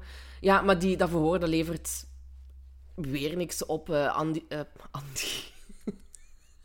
Pandy, Andy, Andri, Andres. Andras. Die, eh, die blijft eigenlijk gewoon weer volhouden dat iedereen liegt. En eh, dat Agnes zelfs deel uitmaakt van een secte. En dat ze daardoor alles eigenlijk verzonnen heeft. Dan heeft hem toch echt alles gehad, hè? Ja. Secte, gevlucht naar het buitenland, Minaar, Siberië. Siberië. Ja. En dan komt eigenlijk monsieur erachter dat Pandy nog twee andere woningen heeft. Ja. Dus in, op 18 oktober 97 wordt het huis in de Van der Malenstraat doorzocht. En opmerkelijk, daar vinden ze in het beton van de, allee, onder het beton van de kelderverdieping botfragmenten en tanden. Yay! En dan denken ze, we've got him. Ching, ching, ching, ching, ching. Helaas. Maar Panny wordt erbij gehaald en die zegt, ik weet van niets, mijn geweten is zuiver. En zo zegt hij dat ook effectief, hè? zo Ja. heel wollig. Ja. Het is een dominee, hè? Niet Dus ja, inderdaad. Ehm, en wat hij zegt is eigenlijk... ja, er moet ooit een begraafplaats geweest zijn. Of de vorige eigenaar moet er iets mee te maken hebben. Maar ik heb er niks mee te maken. En ik weet niet of jij dat hebt gevonden, maar in het boek staat dat, ehm, dat monsieur zich niet van de wijs laat brengen. En zegt van, wat doen die twee um, rijstwafelverpakkingen dan hier naast de dijbeen met versheidsdata van 1987 en 1988? Want... Pandy. Pandy. Want eh, eh, Pandy claimt dus dat die liggen ja. daar al veel langer liggen. Ja. Maar omdat dat zo in beton gegoten is en weet ik Ja. veel wat allemaal, kan het niet dat die rijstwafelverpakkingen daar al eerder lagen. Nee. Dus ik vind dat wel weer een... Op... Allee, hoe dom als moordenaar of als psy- psychopaat. Je hebt alles op Zijn, orde. zijn leugens zijn gewoon op. En, dan, en dan laat je daar verpakkingen liggen van rijstwafels. En dan nog rijstwafels. Fucking slechtste koek op aarde. Allee, als het nu zo, hè, zo sigarettenpakken waren. of Dino-koeken. Dino, dino-koeken, inderdaad. Fucking rijstwafels. Ik haat rij- Dat saaiste. stinkt. Dat is niet lekker. Ik eet dat wel graag als er chocolade mee zit. Ja, oké, maar dan is, dat geen, dan is dat een koek. hè. Dan is dat geen rijstwafel meer. Dat is, ja, dat vind ik... Maar dino-koeken zijn wel echt de bom. Ah, is echt mijn ding. Als dino-koeken ons wil sponsoren, Bel mij. Graag. Kava of dino-koeken. Dat zijn de opties. Dino-koeken zijn echt het beste. Oh my god. Ik kan echt zo blij zijn als dat in mijn zak zit. Dus ik zou nog harder hebben gelachen als de dino-koeken verpakkingen waren geweest. doen. Ik denk het ook niet. Dus het huis had Pandy al gekocht in 1983. Dus een vorige bewoner, van een vorige bewoner kon die verpakkingen niet zijn. Ik vind het spijtig dat hem zo niet heeft gezegd... Er zijn ufo's gekomen of iemand uit de toekomst heeft dat hier gelegd. Dat had ik echt even... Of iemand van de secte. Ja, ja. Nee, niks. Ehm, dus oké, dat is al iets wat ze vinden. En dan het huis aan de Nijverheidskaai wordt ook onderzocht. Ja, Daar vonden ze eh, opmerkelijk veel literflessen cleanest, Ja. een ontstoppingsmiddel. Maar op dat moment eh, allee, denken ze daar nog niks van, omdat er is, er is een inspecteur die zegt, ja, maar ze hebben hier veel verouderde afvoerbuizen, dus ja dat zal we wel een verklaring geweest ja, het is eh, voor... het- ehm, we hebben al een paar keer Nijverheidskaai, maar dat is echt aan het kanaal in Brussel. Ja, dat is echt zo de, het kanaal dat, ehm, dat Centrum Brussel met Molenbeek scheidt. Ehm, mijn bureau is op die grens. We hebben ook heel veel problemen. Ah, is Het is echt super raar. Ja, nee, maar ja, dat is echt, ja, dat is echt riolering, ratten, alles wat Ja, je ja, wilt. ja. Eh, en we zijn ook nog eens twintig jaar voor. Allee, nu, dus dit- ja... Brussel, het, is een, het zijn oude herenhuizen waar hij ook in woont, dus het is Ja. niet zo abnormaal. Maar dan denk ik, ja, als je meer dan één bus hebt, vind ik het al, vind- zou ik dat Ja, toch ze al hebben echt raar- veel flessen Ja, gevonden. Maar bon, wordt verder niks mee gedaan. Maar ze vinden ook nog wel een elektrische wapenstok en de verpakking van een eh, alarmpistool. Maar voor monsieur is er geen definitieve doorbraak waar hij op dat moment wel op gehoopt had. Ja. En dan is er nog een tegenslag. Want het DNA-onderzoek van de botten was ook eigenlijk eh, een heel grote teleurstelling. Ja. Want ja, ze hadden ook DNA afgenomen bij Pandy zelf in de Ja. hoop om een match te vinden met kinderen. Of, ehm, Inderdaad. Maar eh, ze hebben dus eh, geen enkele match eh, opgeleverd heeft met een van de verdwenen familieleden van Pandy. Oké, dit geluid is mijn kachel. mijn excuses, die is even in gang geschoten. Laten we het even, laten we het even borrelen. Ik ga die uitzetten. Ja, dat is goed. Zet hem maar uit. Ik knip hier wel. Oké, we back. Had zijn We kuren. blijven experimenteren, hè. Volgende keer misschien eens in de badkamer opnemen. Mm, In bad. in bad. Ik zal op het toilet gaan zitten. Jij mocht in bad Ja. gaan zitten. Is goed. Ik heb ooit een, ehm, met een vriendin van mij afgesproken dat als we ooit later heel bekend worden, we een, radio, een radioprogramma op zondagochtend brunch in, in jacuzzi. Oh, Eh, met kava dan. Met kava. Sowieso kava. Altijd kava. Mm, Ja. Wat een idee. Living the life. Living the life. Pandy ook. Pandy, living his life. Want hij is, ik bedoel, we zijn 1997 en... Er is tot nu toe is hij nog nooit echt opgepakt geweest buiten die keer, maar dat was gewoon voor een verhoor. Ja. Maar je zit nu wel in de cel, omdat ze dus wel al bijvoorbeeld eh, die eh, elektrische wapenstok hebben gevonden. Ja. En dat is verboden wapenbezit. Ja. Dus ze zijn niet echt... eh, ze laten hem niet echt meer gaan. Nee. Ehm, Ze hebben zoiets van, na de troe, na de bende. Misschien moeten we eens iemand vasthouden. houden. En eh, ja, ook gewoon omdat ze die botten dus wel al gevonden hebben. Dus ze weten wel dat hij er iets mee te maken moet hebben. Maar Ja. ze kunnen gewoon nog niet zeggen wat. Ze hebben nog steeds die doorbraak niet. Mhm. En monsieur die had eigenlijk het gevoel dat Agnes meer wist. Ja. En dus dan ja, is hij heel slim. Op 20 november 1997 wordt Agnes een tweede keer verhoord.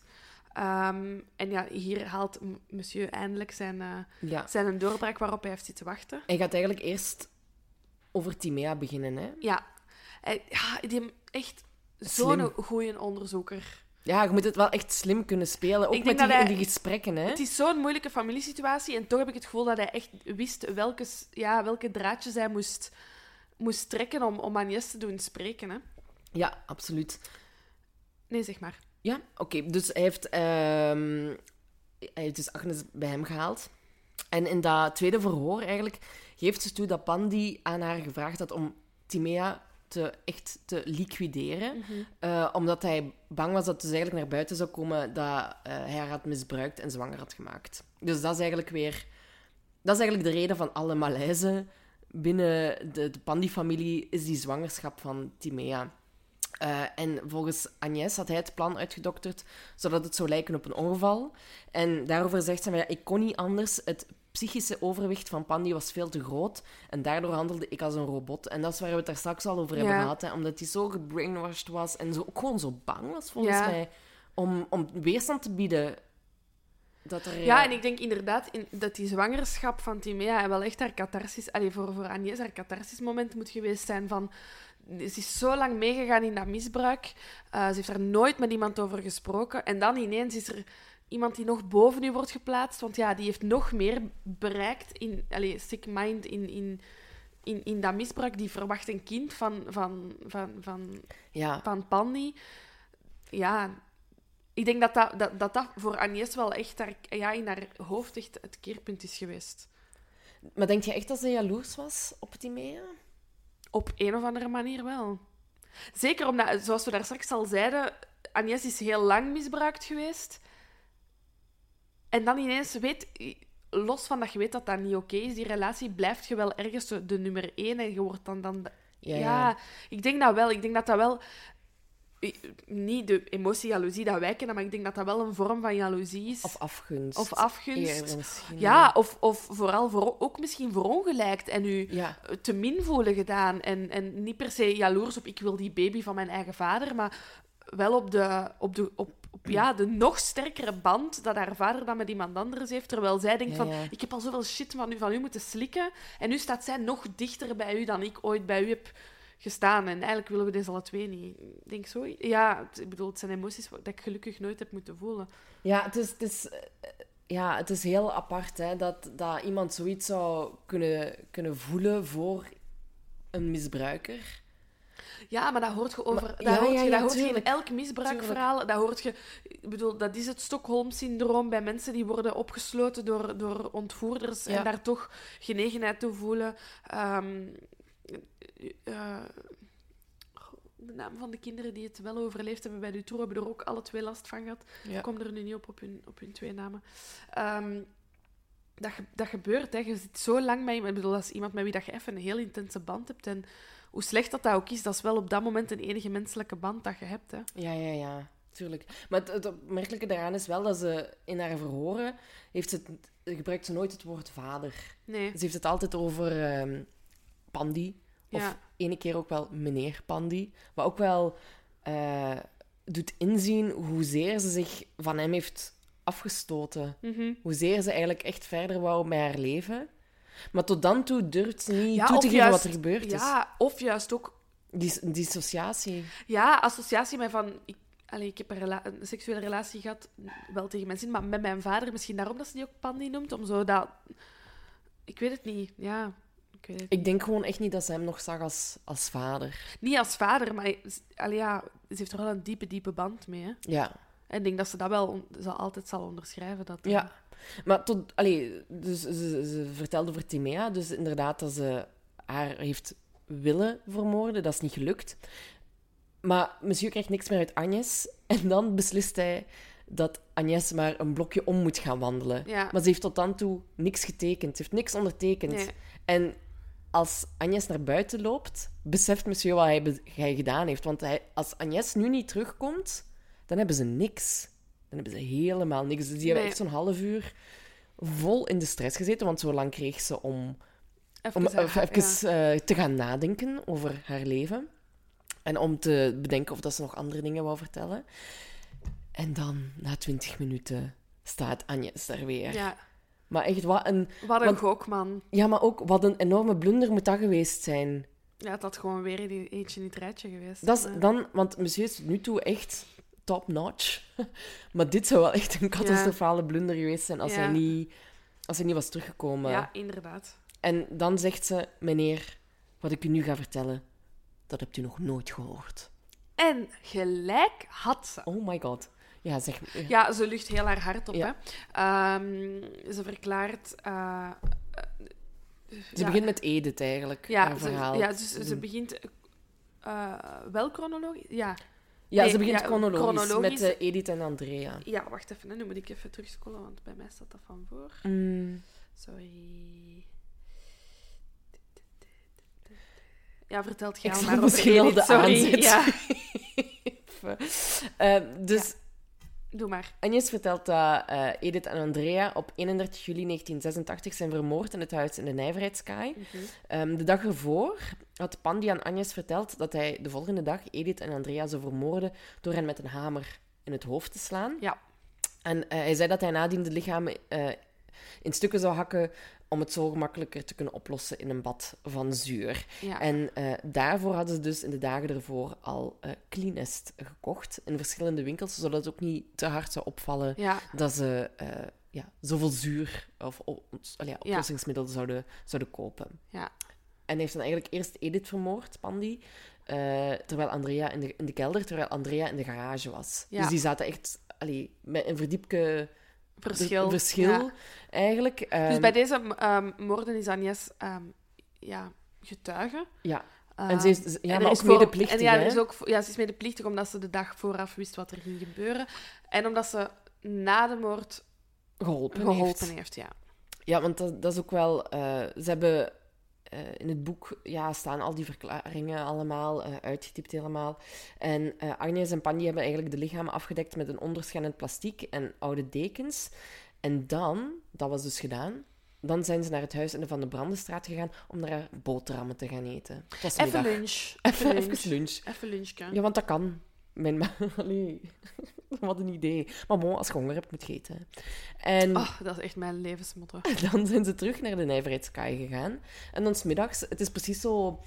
Ja, een dagindeling. Ja, smiddags hebben we de Ja, lichamen een versneden. s- strakke, plan, strakke planning, inderdaad. Ja. S Middags lichamen versneden. En dan ook, want dat heb ik ook nergens teruggevonden, maar misschien dat jij dat wel in het boek hebt gevonden. Heeft hij dat ergens getest, dat die clearest gaat werken? Ze gaan ervan uit dat je dat inderdaad wel een keer moet Ja, getest hè? hebben. Maar Want op wat? een kotelet of zo. Ik ga morgen een kotelet kopen. Ik ga morgen koteletjes eten. Hmm, lekker. Mm, lekker. Nee, maar inderdaad, ze gaan er dus vanuit wel dat hij dat allemaal wel al eens moet Ja. bedacht hebben. Ja. Of over, echt over moet nagedacht hebben en getest moet hebben om te zien of dat, dat wel marcheert. Want ja, anders zit je daar met twee versneden lichamen. ja, wat doet je dan? Wat doe je dan? Ja. Je kunt dat niet zomaar aan de kippen gaan voeren, hè? Nee. Hij, heeft wel andere, allee, hij doet wel andere dingen. Hè? Dus van, Ja. hij, hij, hij, legt de lichamen in een eh, bad. Hij moet ze eerst in stukken hakken. En Ja, ja, ja. Dus, en- ja, ja. Maar, en dan in bad. Maar ik heb, ik heb daar ook nog... ehm, ik wil u niet onderbreken, maar ik heb daar... is het voor een vies detail. Want Het is voor een heel onderbreek vies me. detail. Dus, oh, daar ging de micro weer. Alles onder controle. Ja. Ja. Oké, dus ehm, eerst zegt Agnes dat eh, Andrea aan de beurt was. En dat ze haar bebloede kleren hebben uitgetrokken, eh, die in vuilniszak hebben gestoken. Vervolgens onthoofde Pandy haar. En Agnes moest Andrea vasthouden, zodat hij de ledematen vervolgens kon afhakken. Eerst haar armen en dan de voorarmen nog eens afgehakt.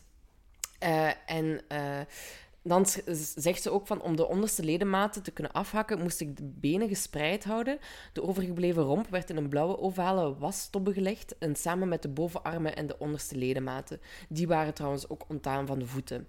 Al die stukken werden samen met het hoofd en de armen, waar de handen nog aan zaten, in de vuilnisbak met Cleanest gedeponeerd. Nadien volgde het lichaam van Edith. Ja. Ik heb nog meer gory details. Van de dijen sneden we het meeste vlees weg. Dat wentelden we in houtzaagsel en verdeelden we over verschillende vuilniszakken. Sorry, dat klinkt echt alsof dat je een stuk vlees aan het paneren bent voor kerstmis. Ga verder. nog een eitje. Ja, en dan... zo, ja. Ja, ja, inderdaad. En Pandy heeft dan eigenlijk vervolgens die, al die zakken in een bestelwagen geplaatst. En is dan naar eh, ja, in de omliggende straten, er waren ook eh, slachthuizen. En dan heeft Ja, hij- dus ja. dichtbij, dus eh, de gemeente die grenst aan Molenbeek in Brussel is Anderlecht, waar dat eh, ja, historisch en nu tot op de dag van vandaag eh, veel slachthuizen zijn. Ja. En daar is hij, heeft hij dan eigenlijk gewacht ehm, tot, ja, totdat hij wist wanneer dat de vuilnisdienst zou passeren. Sorry, maar dan had hij het product er wel al opgedaan. Nee, hij heeft nee, toch niet nee, die volledige, nee. li- heeft die volledige lijken? Dat zijn, dat zijn inderdaad... Sorry, ik ben een stuk vergeten. Ja, hè, want hij, heeft, hij, hij lost eerst de Ja. stukken lijk op ja, maar, ja. Hij heeft, eh, maar dat is niet... Nee, sorry, ik ben geen stuk vergeten. Dat is een deel van de lichaam. Hij heeft ook maar een deel van de lichamen opgelost. Ah ja, oké. Ja, dus hij heeft een deel van de lichamen eh, gedeponeerd, daar in de buurt van de slachthuizen, op het moment dat de vuilnismannen zouden passeren. Ja. En dan werd dat toch maar beschouwd als eh, Slachtafval. slachtafval. En dan, is. want in de recipiënten, zo staat het in het boek, met zuur, ehm, zaten enkel botten waar weinig vlees aan vast zat. Dus de, de stukken vlees die hij eh, aan, de, aan de slachthuizen heeft gezet, dat waren de stukken met veel vlees aan. Ja, dus ook de stukken die je nog zou kunnen laten doorgaan als Ja. iets anders dan mensenvlees. En ik, ik denk het, ik denk het. Ja. Ehm, en eh, ja, dus er- in die, in die zuurvaten zaten dus enkel de botten met weinig vlees. En daarnaast ook nog de afgesneden borsten. En eh, Agnes zegt, ik herinner mij dat Pandy in de vuilnisbakken roerde met een zeef. eh, en de vuilnisbakken met Cleanest sloot Pandy af met een deksel. Dan was het tijd voor avondeten. Mhm. ik snap dat echt niet. Sowieso goulash. En nu beledig ik elke Hongaar in België en Nederland. Sorry. Lekker. Oh, ik vind dat wel een keer lekker goulash. Dus wat? eh, en ehm, even kijken waar ik zat. Ah ja, dus na het avondeten hebben ze dan eigenlijk alles opgeruimd. Al Ja. het materiaal eh, en de ruimtes. Heftige werkdag. Behoorlijk. En dan nog geen geld voor verdienen ook niet, hè? Nee. En dan na enkele dagen zijn zij zo gaan checken hoe dat het zat met, de, met het Oplossing. zuur, met de oplossing. En dan bleek dat het dus eigenlijk al een grote vloeibare blubber is geworden. En zodra het dan donker was, kieperde ze het in de Ja. rioolputten van de nijverheidskaai. Ja, dus echt letterlijk zo van die... Ik stel me dat zo voor, in- en in Brussel zie je dat soms nog zo oude vrouwtjes die hun stuk van de stoep kuisen en dan zo hun, hun, hun vuil water in de riool kieperen. Ja. Dat is A- Andras Pan die dan aan het doen, maar dan met dan ja, menselijke... eh, ja, resten. Substanties. Ja, substanties. Ik heb ook ehm, ergens gelezen dat hij dus... ehm, dat hij had verwacht dat er zoveel meer... Oh, Sorry, ik ga terug dit ding uitzetten. ik heb die uitgezet. Andras Pan die wil niet meer dat we over hebben. nee, nee, nee. Het is de vloek van Andras.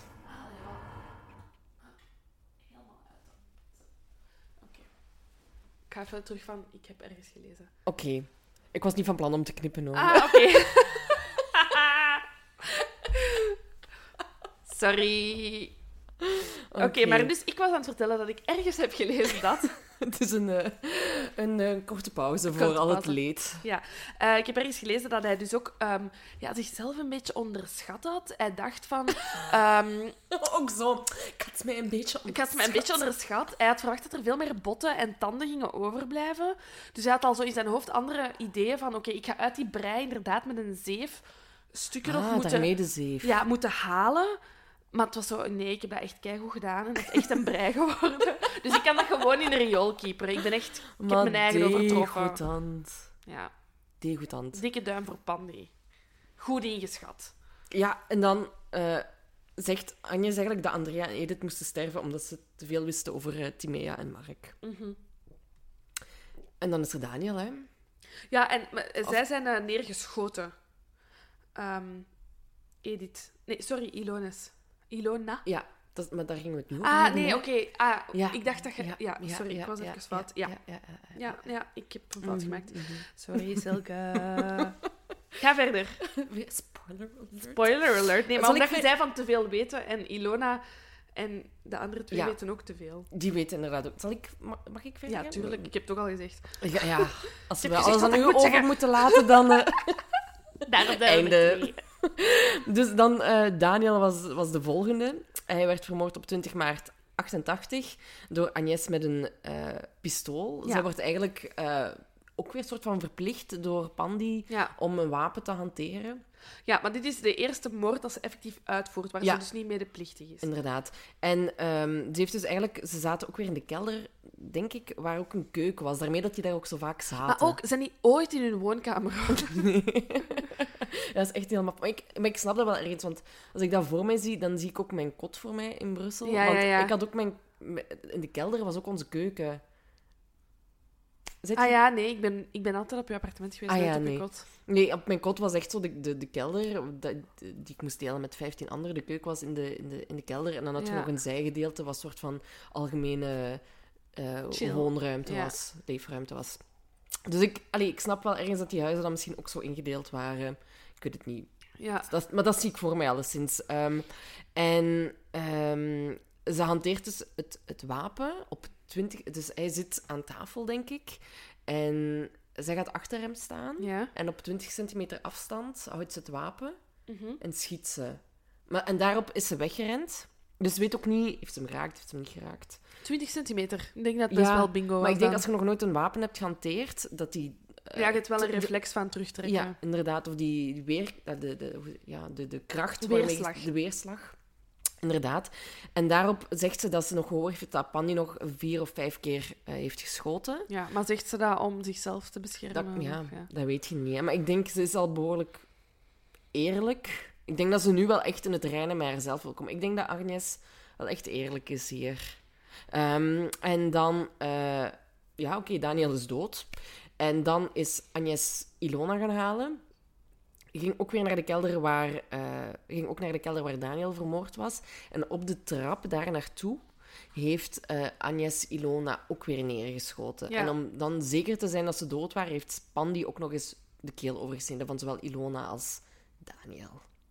En dan natuurlijk, eh, ja, ehm, gaat heel het, hetzelfde proces van, Ja, het, ja, dus, van eh, cleanest weer hetzelfde. Hij had zoiets van... Ja, het heeft This gewerkt. works. This works, dus deze doen we gewoon nog eens.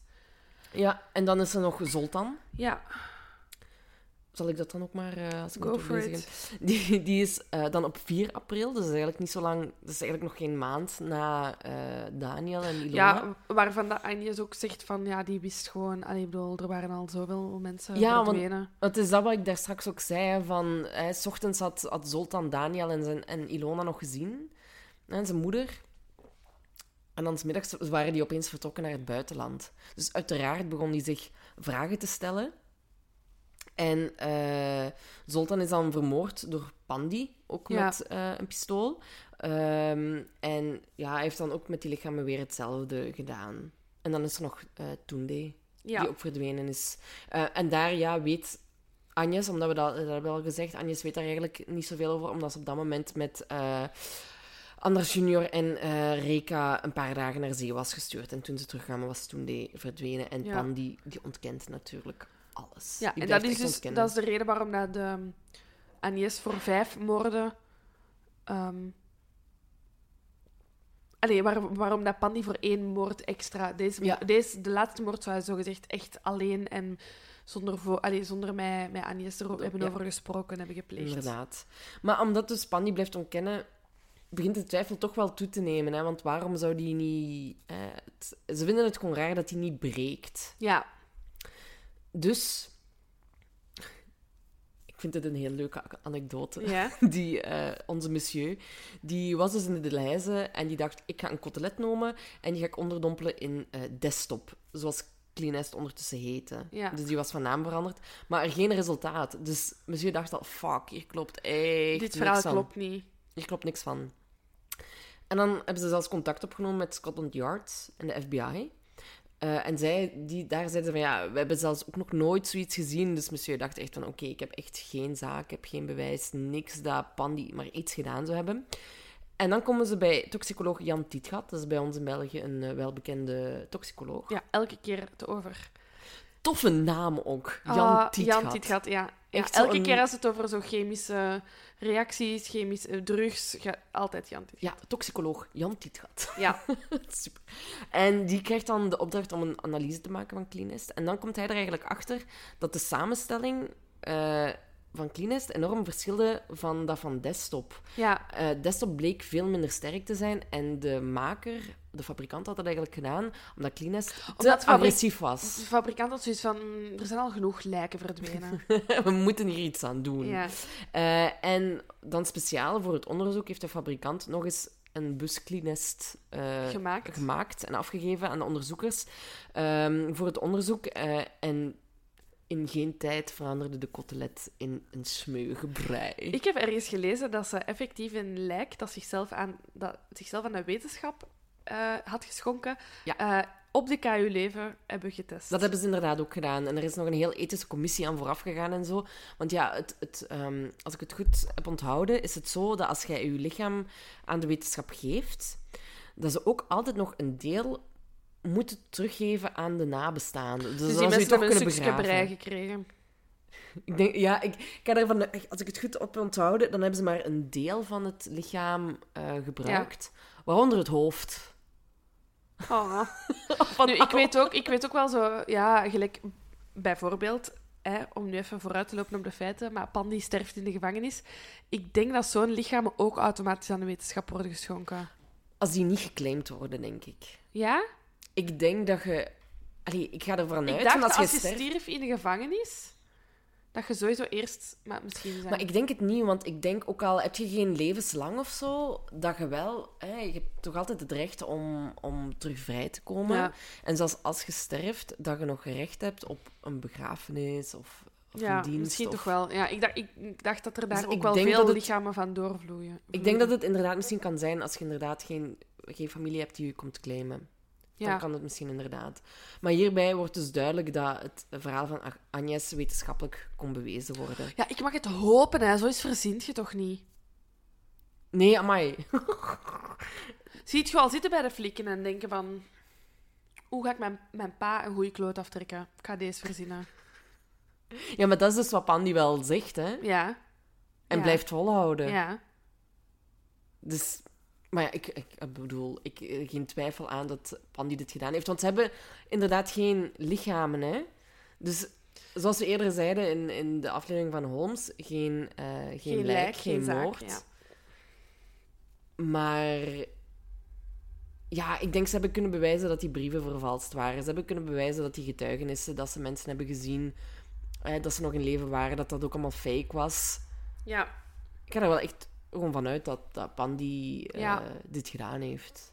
Ik heb nog twee leuke feiten voor het proces beginnen. Doen. Allee, leuke anekdotes.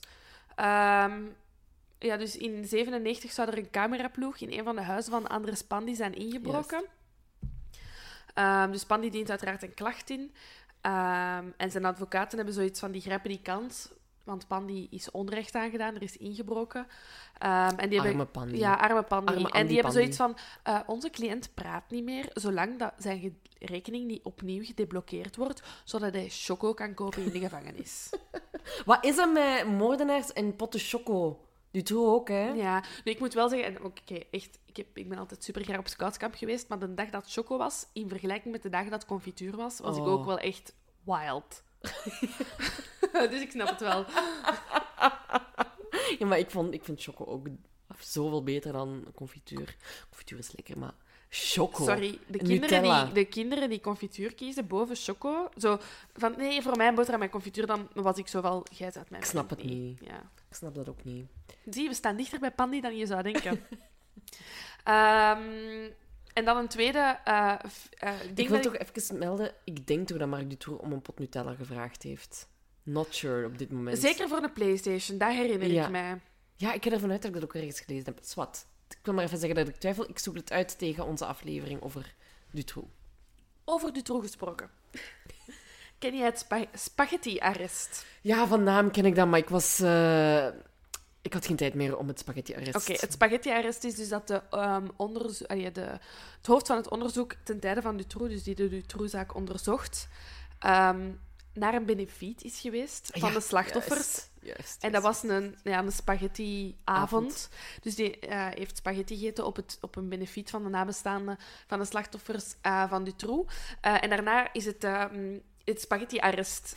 dat, ik weet niet of het officieel zo noemt, maar ik hoop van wel. Ja. Ehm, ja, van start gegaan, waarbij dat ze zeggen van als een onderzoeksrechter of, een, of iemand in het onderzoek te dicht bij ehm, ofwel de ene partij, de nabestaande, ofwel de dader staat, wordt hij van het onderzoek gehaald. En helaas in december 1997 is dat uh, spaghetti-arrest net van kracht gegaan bij Dutroux en dus net in het leven geroepen. Um, en haalt ook uh, de onderzoeksrechter Bruno Bulté, um, onze François Monsieur van het onderzoek. Um, Spijtig, want dat was nogthans wel een goed duo, want die hebben echt samen aan die zaak ja. getrokken. Dat, Bulté was ook echt supergoed. Ja. Die gaf ook, hij heeft ook echt de go gegeven voor het feit van... Oké, nu, moeten we, nu moeten we hem gaan halen. Ja, maar heeft, ja, ik denk dat het inderdaad gewoon met, de, in, met indachtig van... Oké, dit is net gebeurd in de zaak Dutroux. Um, en François, François Monsieur zou in een uitzending bij de RTBF... Um, ja hebben geantwoord op de vraag um, of de Agnes de waarheid sprak. En daar, daarmee zichzelf voorbij... Allee, de, daarmee zijn eigen mening hebben doorgedrukt. Van, ik vind ah. dat zij de waarheid spreekt, of ik denk dat zij de waarheid spreekt, dus ik geloof haar verhaal. Waardoor, dat zij, waardoor dat hij partij heeft gekozen voor een verhaal. Uh, en dus met dat spaghetti-arrest van Dutroux in gedachten ah, wordt monsieur van de zaak gehaald. Eigenlijk net voor het, um, voor het ja, proces van start gaat. Hè. Uh, Pandy heeft ook nog twee uh, rare dingen gezegd, net voordat het proces van start... het, het, ja, ja, zijn, zijn proces van start is gegaan, is dat uh, zijn familie voor tapijtgigant de Klerk is gaan werken. En dat alle familieleden die vermist zijn, misschien wel bij Dutroux zitten opgesloten. Mm. Oh my god. hey, je kan maar een kans geven. je kunt het maar proberen, tuurlijk. Why not? Um, maar ja, het, helpt echt geen zak, hè. Want uh, Pandy wordt dan beschuldigd van de moord op zes familieleden. één moord poging en de verkrachting van de, van de meeste van zijn dochters. Mhm. Ehm, en Agnes wordt vervolgd als dader of mededader uh, van vier moorden, één moedermoord en één moordpoging. Wist je dat moedermoord effectief erger is in ons wetboek? Ik vind dat wel heel symbolisch, ja. Ah, dat wist ik niet, nee. Ja, moeder- en vadermoord zijn, staan boven een andere moord. Heftig. Ja. Is, ja, sowieso is dat... Is één, elke woord uh, uh, heftig, maar inderdaad, om je moeder of uw vader of uw kinderen, for that matter, te, te vermoorden. Ja, dat is bloed, hè. Ja. Swat. Um, en zowel Pandy als Agnes worden dan door de jury schuldig bevonden. En Pandy krijgt levenslang en Agnes 21 jaar. Ja. Um, waar dat we het daar straks al over hadden, van is dat gerechtvaardigd, die 21? Maar zoals we zien, Agnes komt ook al vrij snel terug vrij. Hè? Ja, ik heb, sorry, ik heb nog één leuke quote van tijdens het proces. Ja, Mag ik hem doen? Uh, dit is een hele mooie passage geschreven door een journalist en ik heb uw naam niet opgeschreven en het spijt me echt super hard. Uh, ik meen het echt. het is echt heel mooi geschreven. Zonder schaamte, bijna geamuseerd, kijkt Andras Pandi langs zijn bril heen naar de camera als hij voor de raadkamer moet verschijnen. Zijn dochter Agnes daarentegen verbergt haar gezicht achter een jas. Het typeert het verschil in karakter tussen vader en dochter. Ik weet zeker dat de vader Pandy maandag de cameraploegen zal tellen en hij eh, teleurgesteld zal zijn als er maar tien zullen zijn, zegt meester Walter Muls, de advocaat van Agnes Pandy. Goed. Hij heeft ook... Um, Pandy heeft ook... Um, ik ga terug even dichter bij de camera, ja. Eh, bij, de, bij de camera, bij de microfoon zitten. Um, hij heeft ook uh, de hele rechtszaal vervloekt, hè? Ja, op het einde. Heeft zo nog het woord mogen nemen. Ja. En dan uh, heeft hij op theatrale wijze een vloek over het hof en de leden ervan uitgesproken. Ja, hij is, hij, hij is geëindigd met de valsheid triomfeert over de echtheid. Nu heeft het parket meer tijd om naar de bende van Nijvel te zoeken um, in, en de verdediging van het volk en de algemene belangen van de burgers zijn verraden. Jezus. Zeg, paljas. Echt waar. En um, Panny moet ook een schadevergoeding betalen aan zijn kinderen. Maar die hebben dat geld dus ook nooit gezien. Want Pandy moet ook opdraaien voor de rechtskosten. Ja, en, ook geld meer. Heel zielig, maar hij moet dus ook een schadevergoeding aan Agnes, zijn mede compaan, zogezegd, ja. betalen. Ja, maar, maar wat ik vooral zielig vond, is dat um, Reka en Agnes dus een paar duizenden euro's, eh, tientallen duizenden euro's zouden krijgen. En uh, Andras junior krijgt één symbolische euro schadevergoeding. Ja, dus als de prijs van wel seksueel misbruikt zijn of niet seksueel misbruikt zijn, dan... Ja. Terwijl die ook... Oké, hij is niet seksueel misbruikt, maar ik denk dat hij toch ook... Allee, het feit dat hij heel zijn familie uh, kwijt is, telt toch ook wel. Um, Dus ik vond dat een... Allee, ik, heb niet, ik heb de redenering niet gevonden van waarom dat hij maar één symbolische euro kreeg. En, ja. um, maar bon, niemand heeft het geld gezien, maar het gaat er wel weer om het idee erachter, ehm, wat, wat ik raar vind. Eh, en Pandy is ook nog, heeft ook nog geprobeerd om in beroep te gaan bij het Hof Ja, van, van Cassatie. En bij ons in, in België is het zo, dat gaat dan om procedurefouten. Ja, dus uw straf kan niet veranderen, maar het gaat over of het juist is gevoerd, ja of nee, het proces. Ja, ehm, en die, er zijn gewoon geen procedurefouten gemaakt. Ze hebben niks gevonden, dus well done. Ja, En ehm, na acht jaar is eh Agnes vrijgelaten uit de gevangenis. ja. En zij is dan naar Knokken I- ja het is, eh, on, allee, ze leeft in een klooster in Brugge. ondertussen nu. Eerst. Ah, Daar eerst, is ze ja. eerst naartoe gegaan. Ehm, met enkelband. En dan is ze van haar enkelband eh, bevrijd in 2011. En dan is ze in, eh, als vrijwilliger in eh, de bibliotheek van Knokke-Heist gaan werken. Maar op het moment dat de, dat de bibliotheek gesloten was. Dus ze kwam niet in contact met klanten. Ah, oké. En weten we waar ze nu is? waar ze nu, ik vermoed, rond Nog het steeds? Brugse. Ah, Wat heel absurd is. Want Pandy zat in de gevangenis van Brugge. Dus ik zou denken... Oeh. Ik zou zo ver, ver mogelijk van Brugge willen zijn. Ja, ja, ja. Maar dan vind ik het op- opmerkelijk dat ze voor een klooster kiest of heeft toegewezen gekregen in Brugge. Zo dicht bij die gevangenis. Ah, Oké. Ja. Ja, ik weet wel dat Pandy eigenlijk hoopte ook op een eh, vroegtijdige, allez, vroegtijdig vrij te komen. En dat hij een eh, huis wou kopen in Hasselt. En Hasselt is mijn Hometown, hometown. Dus ik ben lang blij eh, dat hij eigenlijk in eh, de nacht van 22 op 23 september 2013 eh, in de gevangenis is gestorven aan een December, slepende december dicht, bij, Ah, sorry. Ik had september opgeschreven. dicht bij kerst. Ah, ja. Oké, december aan een slepende ziekte. ja. En wat ook gewoon opvallend is, is dat hij nooit, nooit, nooit, nooit, nooit bekend heeft. Nee. Nee. Hij heeft nooit gezegd, hij heeft nooit willen inzien dat hij toch fouten heeft gemaakt in het leven. Ehm, maar hij is gewoon een psychopaat. Echt een psychopaat. Echt een psychopaat. En ehm, ja, je had het er daar straks ook al over. eh, de huizen van Pandy, die werden gesloopt in 2013. En ze zijn daar nu ook... Ze zijn daar nog mee bezig, hè? aan- Ja, maar ze zijn, daar, ja, ze zijn daar een project op aan het zetten waar dat, eh, het zou een soort van toevluchtsoord voor daklozen worden. Uh, Ja. Dus waar daklozen Goed. terecht kunnen. Ja, het is aan de kanaalzone in Brussel. Ehm, ja, ik ben er zo vaak voorbij gejogd en ik heb het project gezien. En toen dacht ik nog zo, maar wat gaan ze hier zetten? Ah, iets sociale woning. En toen was ik al aan het denken van... Maar ja, zo niet... ja, maar zo niet... Ik heb nog... Agnes heeft, ehm, heeft nog gevraagd om haar naam te veranderen in 2016, maar dat verzoek is geweigerd. Ah ja.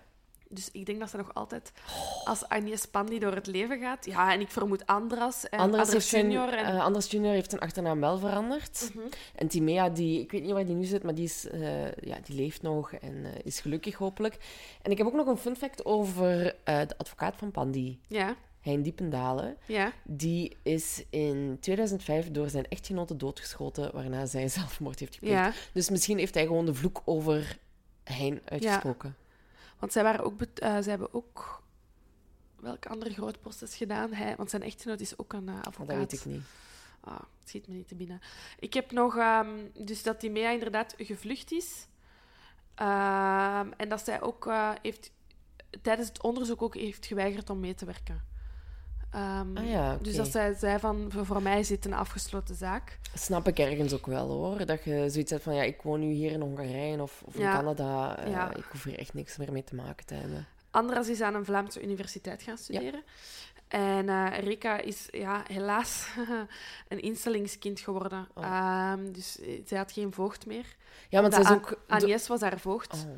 Ehm, en dus ja, zij is van instelling naar instelling gegaan. Ik denk dat zij nog minderjarig was op het moment van... Ja, en ze heeft ook tijdens, ehm, tijdens haar, haar jongere jaren heeft ze ook altijd in een instelling ook al gezeten. Hè, omdat, Ja. omdat Agnes toen de eerste keer een klacht was gaan indienen, omdat ze hè, vanwege het seksueel misbruik, en dat ze toen ook had gezegd van, ik heb schrik dat Reka ook iets gaat overkomen. Ja. En vanaf toen heeft hij eigenlijk altijd in, eh, in instellingen gezeten. Ja, en dan in, inderdaad een heel leuk weetje dat ik ook op een blog van iemand ben tegengekomen. Die zei, het is opmerkelijk dat de Belgische pers van de overgebleven kinderen van Pandy, dat ze die met rust hebben gelaten. En Ja, dat er eigenlijk niks over Nu dat je het zegt, Ja. inderdaad. Eh, en dan nog, ik weet niet waarom, maar ik eindig altijd met een fun fact over carnaval. Ja, het begint nu wel op te vallen, Ja. inderdaad. Maar eh, Wesley Sonk, eh, een Belgische voetballer, is dit jaar met carnaval in Ninove, in, met de carnavalstoet, heeft hij meegelopen als Andras Pandy. Maar... Een wagen met een, met een bad op, Oh met my een lijk in. god. Eh, ik heb er een foto van, ik post hem sowieso. Dat gaan we doen. We hebben nog één ding Oh my god. Dat moet jij vertellen. Moet jij vertellen. Ehm, Ja, we hebben eigenlijk ik- helemaal niet op het begin gezegd dat we een verrassing in petto hadden. ja, we hebben, echt, Dus we hebben een verrassing in we petto. hebben echt een zotte verrassing in petto. Ehm, ja, ik ga hem gewoon direct bij naam en toenaam noemen. Hè. Doen. Ehm, dus eh, zowel Silke als ik eh, eh, zijn geïnteresseerd in true crime en zeker ook in ja, het onderzoek dat er in België... Matig. Ja, matig. Eén keer per maand. Nee, dat is niet waar. De- de- in België wordt er rondgevoerd en ehm, op een bepaald moment werden wij via de volksjury gevolgd door Kurt Wertelaars. Ik hoop dat ik dat juist zeg. Ehm, ja, hij is onderzoeksjournalist. Ja, je kunt hem, we kunnen hem, allee, je kunt hem kennen van eh, het, het VTM-documentaire reeks eh, Cold Case Sally. Ja, hij heeft daar ook een boek over Ja. geschreven. Eh, ik heb dat ook tijdens mijn lange reis gelezen. Ehm, dus hij was ons beginnen volgen als de volksjury. Daar zijn we sowieso ook al even over We beginnen waren vloeken. even aan het fangirlen. Ja. hè. Eh, oh nee, Kurt. En Kurt gaat dit horen, want hij heeft... Dus nu, nu komen we naar het grote moment. Sorry, maar ik vind dat gewoon wel speciaal dat iemand zoals Kurt, die ook heel Zoveel zijn leven... kennen, zoveel expertise, ja. heeft, ook wel gewoon fan is van ons. Mhm. Vind ik dat wel even gezegd mag worden. Continue. Ja, dus Kurt, we waren enorm onder de indruk. Gewoon al met die follow. Ehm, en ik, eh, we waren hem dan met de pagina van de Volksjury ook beginnen volgen. Eh, en ik ben hem dan persoonlijk ook beginnen volgen. En dan dit weekend kreeg ik ehm, een bericht van Kurt op, eh, ik denk via Instagram, ehm, die eh, ja, eigenlijk echt zo'n bemoedigend berichtje stuurde van zeg, eh, Laura en Silke, ik luister naar jullie terwijl ik aan het joggen ben, maar ik hoop eigenlijk, sorry dat ik niet te veel info aan het geven ben, Ehm, zo, ik luister naar jullie tijdens het joggen en het was superleuk. Ik heb net de aflevering van ehm, H.H. Holmes gehoord, eh, waarin dat jullie de uitspraak doen, geen lijk, geen zaak. Doet me enorm denken aan de zaak Pandy. En Ja, ik dacht, wij, toevallig. wij hadden toen al beslist dat we Pandy gingen doen deze week. Dus ik stuur direct, terug, direct naar, naar terug van... eh, excuseer, jij waarzegger. Ehm, dat is de zaak dat we deze week gaan doen. En wat blijkt dus, ehm, dat Kurt zijn journalistieke carrière eigenlijk gestart is rond deze eh, zaak. Dat hij dus eh, de zaak Pandy eh, van, vanaf het begin eigenlijk is beginnen volgen voor geschreven pers in België. Ehm, dat hij zelf brieven heeft gestuurd naar Pandy. Ehm, hij heeft mij een lange anekdote gestuurd via Instagram. En dan heb ik hem gevraagd... Kurt, zou je dat voor ons willen inspreken? Want we vinden het echt te schoon. Ehm, dus Kurt heeft dat gedaan. Waarvoor duizendmaal dank. Dat is echt super lief. Eh, en we gaan dat nu even We gaan afspelen. nu even luisteren en dan be right back. Ja, be right back.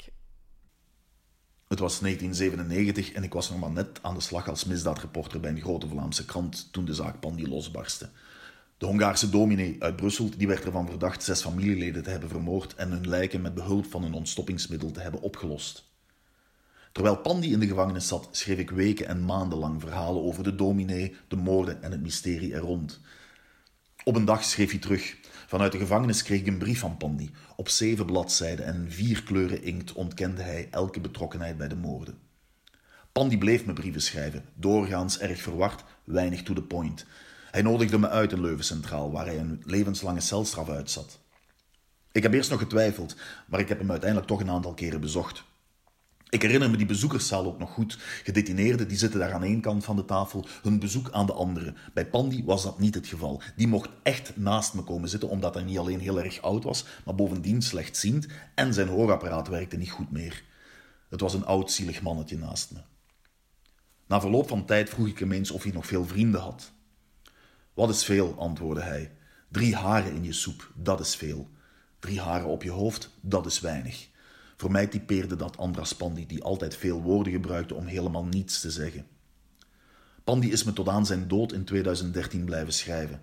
De laatste jaren kreeg ik geen brieven meer, wel nog kerstkaartjes. Ik heb die brieven en kaartjes vaak herlezen, in de hoop dat ik er een detail in zou kunnen ontdekken waarmee het mysterie ontrafeld kon worden. Maar Pandy nam zijn geheimen mee in zijn graf.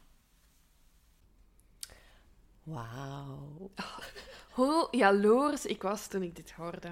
Maar zo maf dat, dat we nu iemand één stap verwijderd van Pandy Ja. kennen. Ja. Dus ik, ik vind dat gewoon Kurt, als, als wij Kurt ooit ontmoeten, zijn we iemand daar... Ja, dat is maf, hè? Ja, en ook gewoon... Dat is waar ik, waar ik ook daar straks al op, op alludeerde. Het, het, ik weet niet of ik dat zou aankunnen om zo dicht bij een moordenaar te zitten. Snap je? Ik, ik vind het heel tof om deze van een afstand Ja. te bespreken en te doen. ja. Maar dan komt het wel heel dicht. En dan mocht je ook gewoon geen fouten maken. Dat is net zoals met, met Mindhunter. ja, Die gaan ook met moordenaars doet er praten. enorm aan denken. Hè. Inderdaad, en proberen te achterhalen wat dat de beweegredenen Ja. zijn van iemand. En dan zit je daar met iemand voor je, die, die, die familieleden, die zijn kinderen en vrouwen heeft opgelost In zuur. in zuur. Ja, enorm veel respect. En inderdaad, een beetje hetzelfde als wat we over Monsieur hebben gezegd.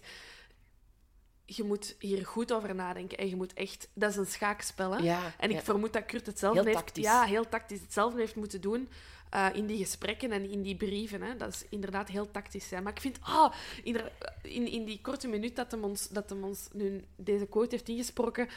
Inderdaad, hoe typerend dat, dat, dat Pandy moet geweest zijn. Ja, en het, het zegt ook weer, hè, zo met dat verhaal over, die, over, die over die vrienden en dat haar, dat is ook weer zo heel wollig gebracht. Ja. Heel, heel zweverig. En... Dat is zo'n bond zonder naam quote.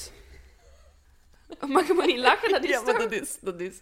Inderdaad. En gewoon om daar dan tegenover te zitten en zo'n dingen te horen, dat lijkt me heel... eh, allee, ik zou me echt moeten inhouden van, van excitement ook. Ja. Van, en inderdaad, wat, wat Kurt ook zegt, van, hij heeft nooit willen toegeven dat hij het gedaan heeft, maar ondertussen blijft hij wel kerstkaarten sturen. En ik hoop dat Kurt die kerstkaarten nog steeds ergens heeft Ik wil eh, echt... liggen. Ik wil die zien. Als Kurt, je er bereid bent, we, we zouden misschien graag eens een keertje een kerstkaart van Pandy willen zien. Amai. Maar eh, nee, echt, eh, Super tof dat je, naar ja. ons, ja, dat je, dat je ons hebt, hebt benaderd. inderdaad. Ehm, ja, nu zijt je natuurlijk nog niet van ons af, hè? nee, nee, nee, nee, eh. want we willen ook heel graag natuurlijk eens een aflevering over Sally doen. Maar daar gaan we privé wel Later verder. meer. Later meer.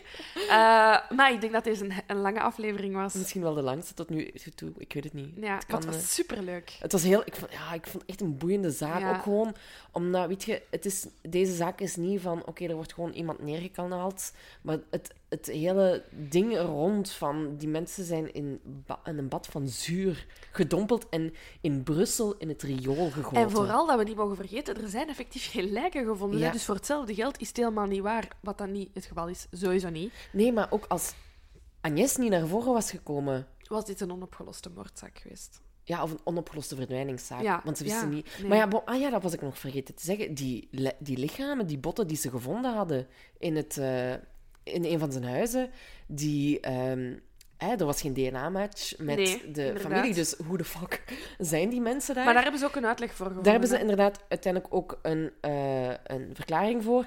En dat eh, bleken botten afkomstig te zijn van zeven vrouwen tussen de 35 en de 55 jaar oud en één man tussen de 18 en 23 jaar oud. En het zou gaan om mensen die in Hongarije vermist zijn geraakt. Ja. Dus zijn die dan ook via die advertenties hier in België terechtgekomen? Waren dat ook vrouwen die hij lokte met het idee van, eh word mijn vrouw? Maar dat is... Allee, verder heb ik daar geen informatie over gevonden. Maar het zou Nee. dus gaan om mensen die... Allee, ze hebben dan in Hongarije eens een lijst opgesteld. ja, maar daar hebben ze ook meer dan 100 namen. Hè? Dus ja, dat is- dat- ja, inderdaad. Dus... eh, We weten, we, weten we, we denken dat hij eh, zes mensen heeft vermoord. Maar het gaat er waarschijnlijk meer zijn. Het zijn er gaan waarschijnlijk meer Ja. zijn. Dus het is goed dat hij nooit is eh, vrijgekomen en dat hij dan gestorven is in de gevangenis. Ja, inderdaad. Oh, Zo'n maf figuur. Ja. Oh, ik vond het een toffe aflevering. Ja, goede En aflevering. ook vooral de, de aanvulling van Kurt. Ja, Fantastisch. superleuk. Echt, was, heeft echt mijn dag gemaakt. Toen Als er nog mensen zijn die met seriemoordenaars afspreken in de gevangenis, contacteer ons. Laat het ons echt graag weten. Nee, maar echt, ja. Echt, wij leven voor dit soort verhalen. Daar worden wij heel gelukkig van. Ja, super tof. Oké. Goed, we gaan afronden. Ja. Dit was het. Tot binnenkort. Bye!